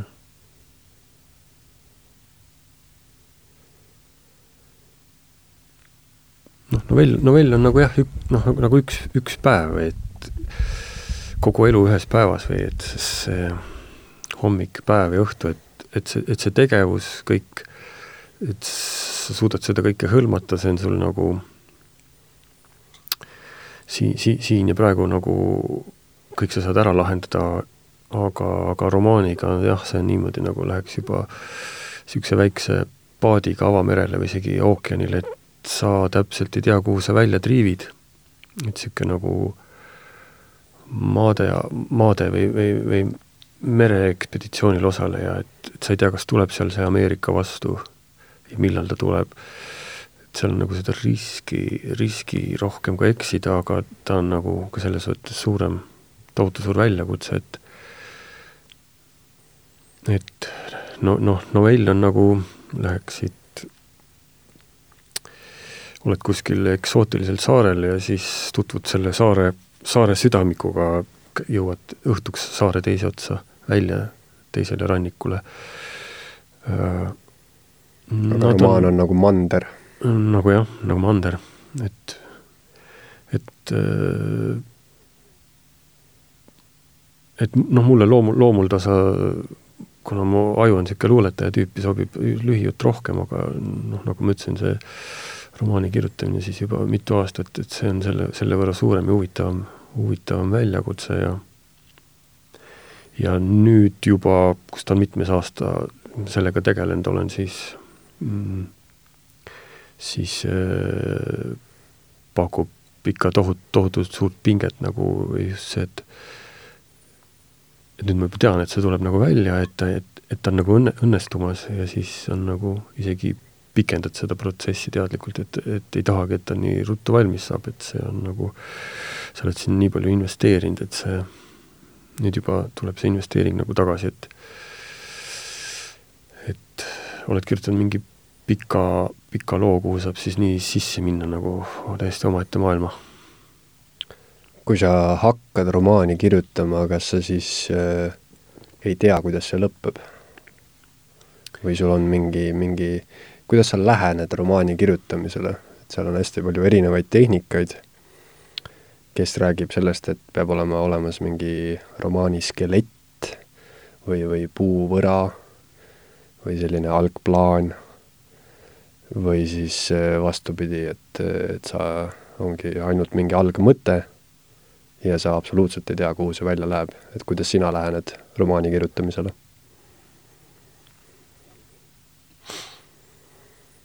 no see mingi skeleti selles mõttes taju peab olemas olema küll, et et ma tean, et see lugu on seda tüüpi suur lugu, et ta kerib, et tal on see potentsiaal ja võime niimoodi lahti ennast kerida suureks pikaks looks, et, et just see teadmine, et et on nagu niisugune hiiglaslik skelett, millele saab mõnuga liha luudele kasvatada, et, et see idee peab kandma selle välja.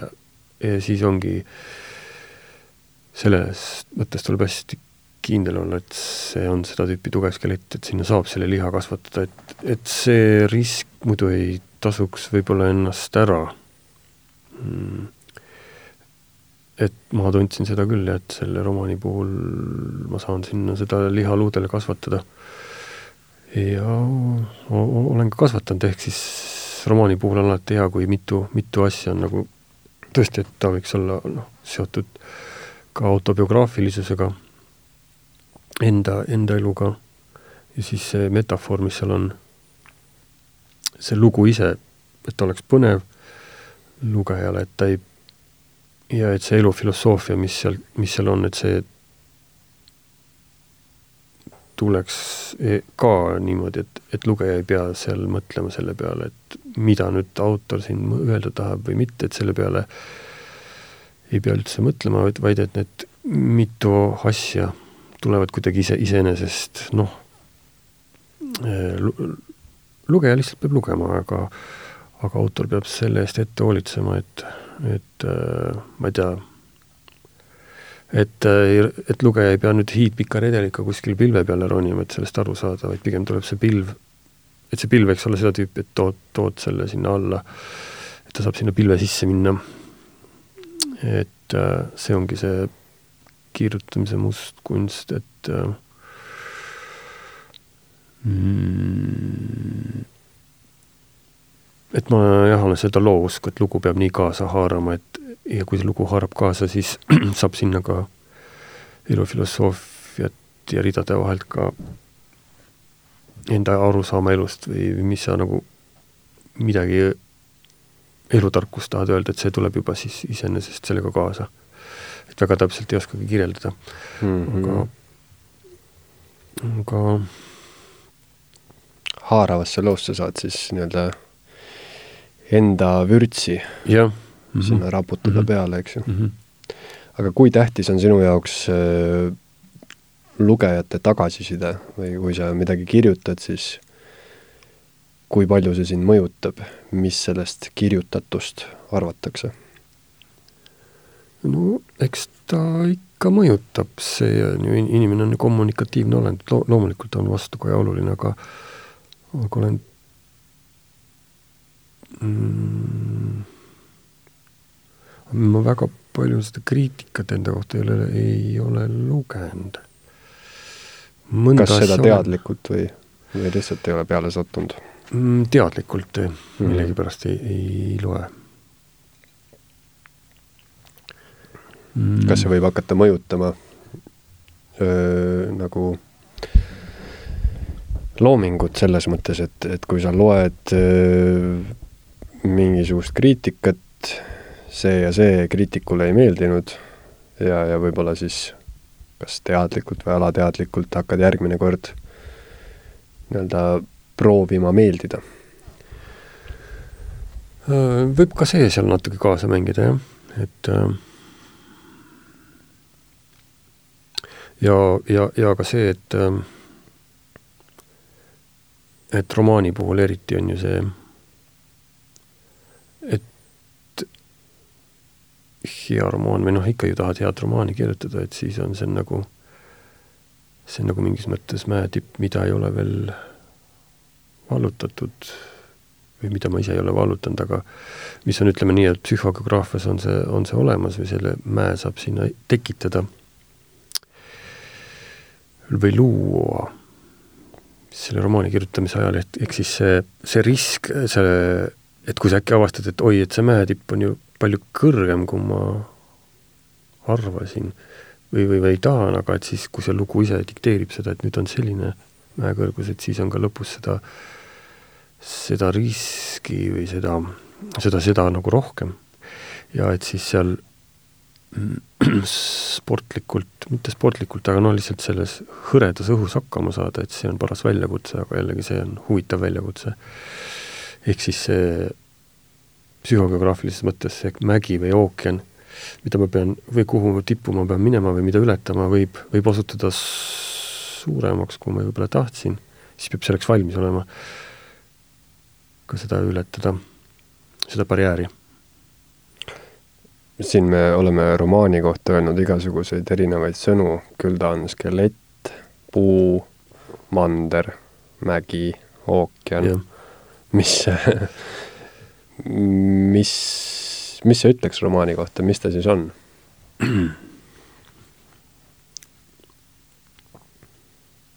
kui nüüd tuua mingi, mingi võrdlus. et romaan on pikk lugu, aga millega seda võrrelda kas teekonnaga või ookeaniga või mäetipuga. Novelli puhul räägitakse tihti, on ju, sellest äh, kulminatsioonist ja, ja puändist mm, -hmm. et, et äh, no selle kohta võiks nagu mõelda justkui mäe tippu ronimist ja siis noh, kulminatsiooni kohta on ju sealt alla veeremist mm. -hmm aga, aga mis sa romaani kohta ütleksid?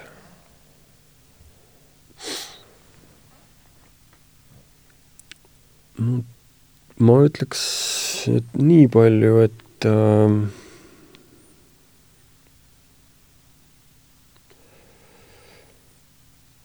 et kui lugeja seda loeb, et siis ta peab ise, ilma et ta seda aru, aru saaks äh,, seda lugedes, läbi lugedes, et ta, see peab olema, võiks olla nii hästi kirjutatud, et see lugeja lahustub sinna sisse ära ja siis, et kui ta sealt välja tuleb, siis on ta nagu pisut muutunud või, või ta on nagu ära käinud kuskil, kuskil, kuskil äh, eksootilises kohas või mitte eksootilises kohas, aga hoopis niisuguses teises või uues kohas, et seal võiks olla mentaalselt midagi niisugust uut mis, mis, mis teda muudab tundetasandil või annab mingi uu, täiesti uue, uue emotsiooni. Ja ma tahaks siis, kui kõik need suured sõnad kokku võtta, ookeanid, mäed ja, ja mandrid, siis siis võib-olla võiks öelda romaani kohta justkui maailm, et kirjaniku töö on siis luua see maailm mm. -hmm. ja, ja kui lugeja seda loeb, et siis, siis tal tekiks pärast lugemist tunne, et ta on käinud justkui mingis teises maailmas mm. -hmm. ja et see peab olema nii noh, selles mõttes veenvalt kirjutatud, et lugeja saaks sinna maailma sisse minna ikkagi mm. -hmm. ja lahustada selles. ja seal ongi juba see, et kellele siis see stiil sobib, kellele mitte ja kellele sobib, see saab, kellele ei sobi, otsib mõne uue autori, see ala, võimalus on alati olemas. või mõne teise. jah, tihtipeale no mina näiteks äh, üsna vähe vaatan uudiseid ja pigem võib-olla loen raamatuid, seda ka kindlasti mitte piisavalt, aga, aga no ühesõnaga sellise mõtteviisiga olen kokku puutunud, et, et milleks lugeda fiktsiooni, ilukirjandust. sealt sa ei saa ju mitte midagi kasulikku teada, et sa loed põhimõtteliselt muinasjutte mm, -hmm. neid samu väljamõeldud maailmu mm. -hmm. Ja, ja et, et kui lugeda, siis lugeda populaarteadust või, või mm -hmm. midagi praktilist, midagi sellist, millest sul on nagu reaalselt kasu mm. -hmm. aga selles fiktsiooni lugemises on minu arust äh, mingi selline kasu, mida on raske kirjeldada, et see ongi selline, sa õpid neid maailmu tundma ja see justkui ikkagi lisab midagi. et äh, kuidas sina sellesse suhtud, miks, miks on ilukirjandust vaja mm.? mis sellest kasu on? mis sellest tolku on? täpselt mm..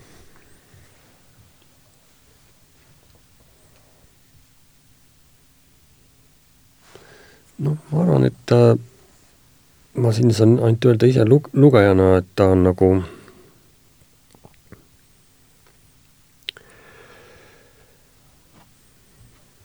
ta toob mingisugused äh,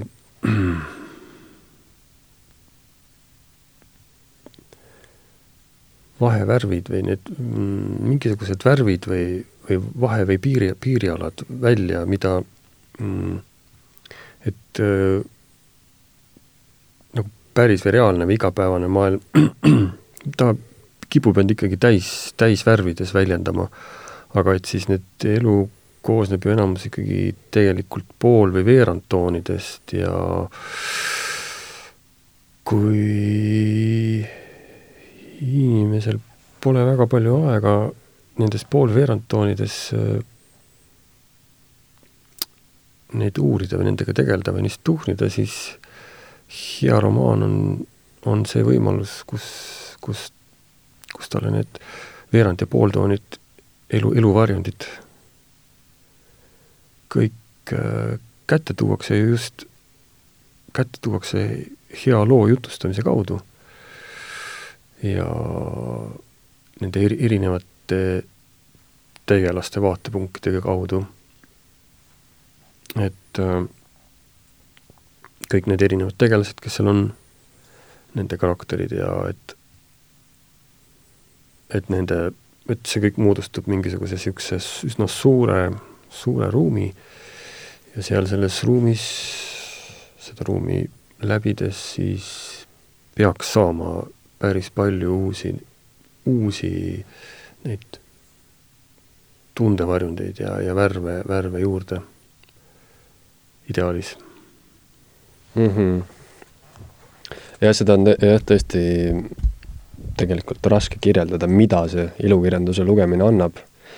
aga noh, kõik, kes on ilukirjandust lugenud või loevad, saavad aru, et fakt on see, et midagi ta annab, aga mis see täpselt on, jah, seda on raske kirjeldada. jah, see noh, noh, sellega ongi, ongi nagu see, et et äh, kuna ma praegu olen kuidagi see noh, elu käib lainetusena, et ma olen selles, olin maal sellises hästi niisuguses rahulikus ju-, juurvilja dimensioonis et siis äh, mul on päevi, kus ma saaks selle kohta isegi mingisuguse niisuguse vale, mitte valemilaadse, vaid sellise mingi definitsiooni anda, mis mm, -hmm. mis nii-öelda oleks just nagu õp-, õpetaja koolis ütleks, vot see on nüüd nii ja see on nüüd naa, aga kuna ma olen praegu sellises juur, juurvilja dimensioonis tulemas välja niisuguse äh, fau-, äh, floora dimensioonist fauna dimensiooni, siis mul selle keele, keele kaudu seletamisega on selle koha pealt natuke raskusi, et ma ei oska seda defini-, defineerida, et nagu ähm, aga aga ma saan seda öelda, et äh, noh, mis ma saan öelda, on see, et mulle meeldis üks äh, kunagi Eesti Ekspressist vist lugesin sellist artiklit, kus, kes selle autor oli, ma ei mäleta, aga seal ta huvitavalt võrdles kahte ärimeest, et üks ärimees, kes on lugenud seal kolmkümmend raamatut läbi, teine ärimees, kes on lugenud võib-olla seal kolmsada või, või seitsesada raamatut, ütleme ilukirjanduslikku raamatut läbi, et, et mis on siis, mis on siis nende erinevus, erinevus on see, et see, kes on lugenud seal mitusada ilukirjanduslikku teost läbi, noh, mis on olnud eeldatavasti head teosed, huvitavad, et, et tal areneb see visuaalne noh, see Äh, iseenesest äh, sealjuures ta are-, arendab sealjuures seda visuaalset taju nii palju, et näiteks kui tal tuleb mingi äriplaan või mingi idee, et siis ta suudab seda visuaalselt väga hästi ette kujutada tänu sellele, et ta on lugenud ilukirjanduslikke teoseid, kus, mille lugemine nõuab visu-, visuaalset taju ja kus see areneb.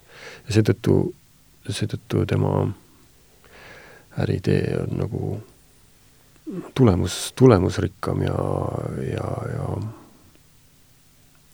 ja ta võidab selles mõttes seda inimest, kes ei loe ilukirjandust, et, et see on ka kaudselt üksteisega seotud ja ja siis, kui ma lugesin, siis ma sain aru, et see nii ongi, sest see, kes seda kirjutas, oligi selline tore ärimees, kes oli seal lugenud tuhatkond raamatut läbi ja ta ärid olid vilja kandnud, ehk siis ta suudab eh, visuaalselt nagu näha, kuhu, kuhu ta äriidee välja viib, suudab seda ka paberil tulevikus, tuleviku perspektiivis hästi ette kujutada ja kas sellel üldse on mingit perspektiivi või ei ole, et, et seda, seda kuigi palju ikkagi arendab see, kui inimene loe, loeb näiteks kahekümnendates eluaastates häid, häid ilukirjanduslikke teoseid või siis see teine ütleb, ah, see on jama, et ma ei loe, siis äh, tolle, tolle äriideed sageli on ka niisugused mm,, kui ta ei ole just, alati on erandid, mis kinnitavad reeglit, selline naturaalne ärigeenius, siis siis ma, ma arvan, et need on ka kaudselt seotud. no vot, selle jaoks ongi vaja lugeda, et, et paremini äri teha mm. -hmm. aga sa oled seitse aastat nüüd koos pausidega romaani kirjutanud mm, -hmm. kui pikk see romaan sul tuleb, tuhat lehekülge? ei tule, see tuleb kõigest, kõigest äh, vist kolmsada lehekülge mm. -hmm. aga ma ei, ma ei tea isegi, miks ta nii, aga ta on intensiivne, ta on nagu tihe. ja, ja tegevus ju toimub tegelikult enamasti Eestis, kuigi selle aja, ajadimensioon, mida käsitletakse, on kakskümmend tuhat aastat. tohoh, see on äh kõlab ulmeliselt, kakskümmend tuhat aastat tulevikku. Mm,? Pigem, pigem minevikku, pigem minevikku, pigem peale jääaega, seal tulevad mm, mängu need hõimud, kes meil siin Euroopas siis tollal olid, see on kaudselt ühe tegelasega seotud. Ja et äh, et need eks-, ekskursid, ekskursioonid nendesse, nendesse aegadesse, nende aegade kirjeldamisse, pluss siis veel see eksistentsiaalne mõõde, noh, üks märksõna on, mida ma seal käsitlen, on ka liiasus, et inimene mõõtleb, ju püüdleb küll äh, tasakaalu, õnne ja, ja sellise tasakaalu tasakaaluka õnne poole, aga aga millegipärast kogu aeg kaasnevad mingisugused liialdused, ehk siis liiasus, liiasus unistamises, liiasus oma õnne kindlustamises, liiasus, liiasus kui selline nähtus, mis käib inimeseks olemisega kaasas, et ka see on seal siis noh, natuke muinasjutulikus vormis käsitlust leidnud on sul romaani kirjutades ka oluline, et noh, üks, üks hästi loll küsimus, mida ma juba esitasin, on see, et kust sa inspiratsiooni saad, teine väga loll küsimus loomingu, loomingu inimestele on minu arust alati see, et mis sa sellega öelda tahtsid või mis selle mm -hmm. mõte on. aga on sinu jaoks äh, kuidagi oluline kirjutada romaani ka mingisugune point sisse mm.?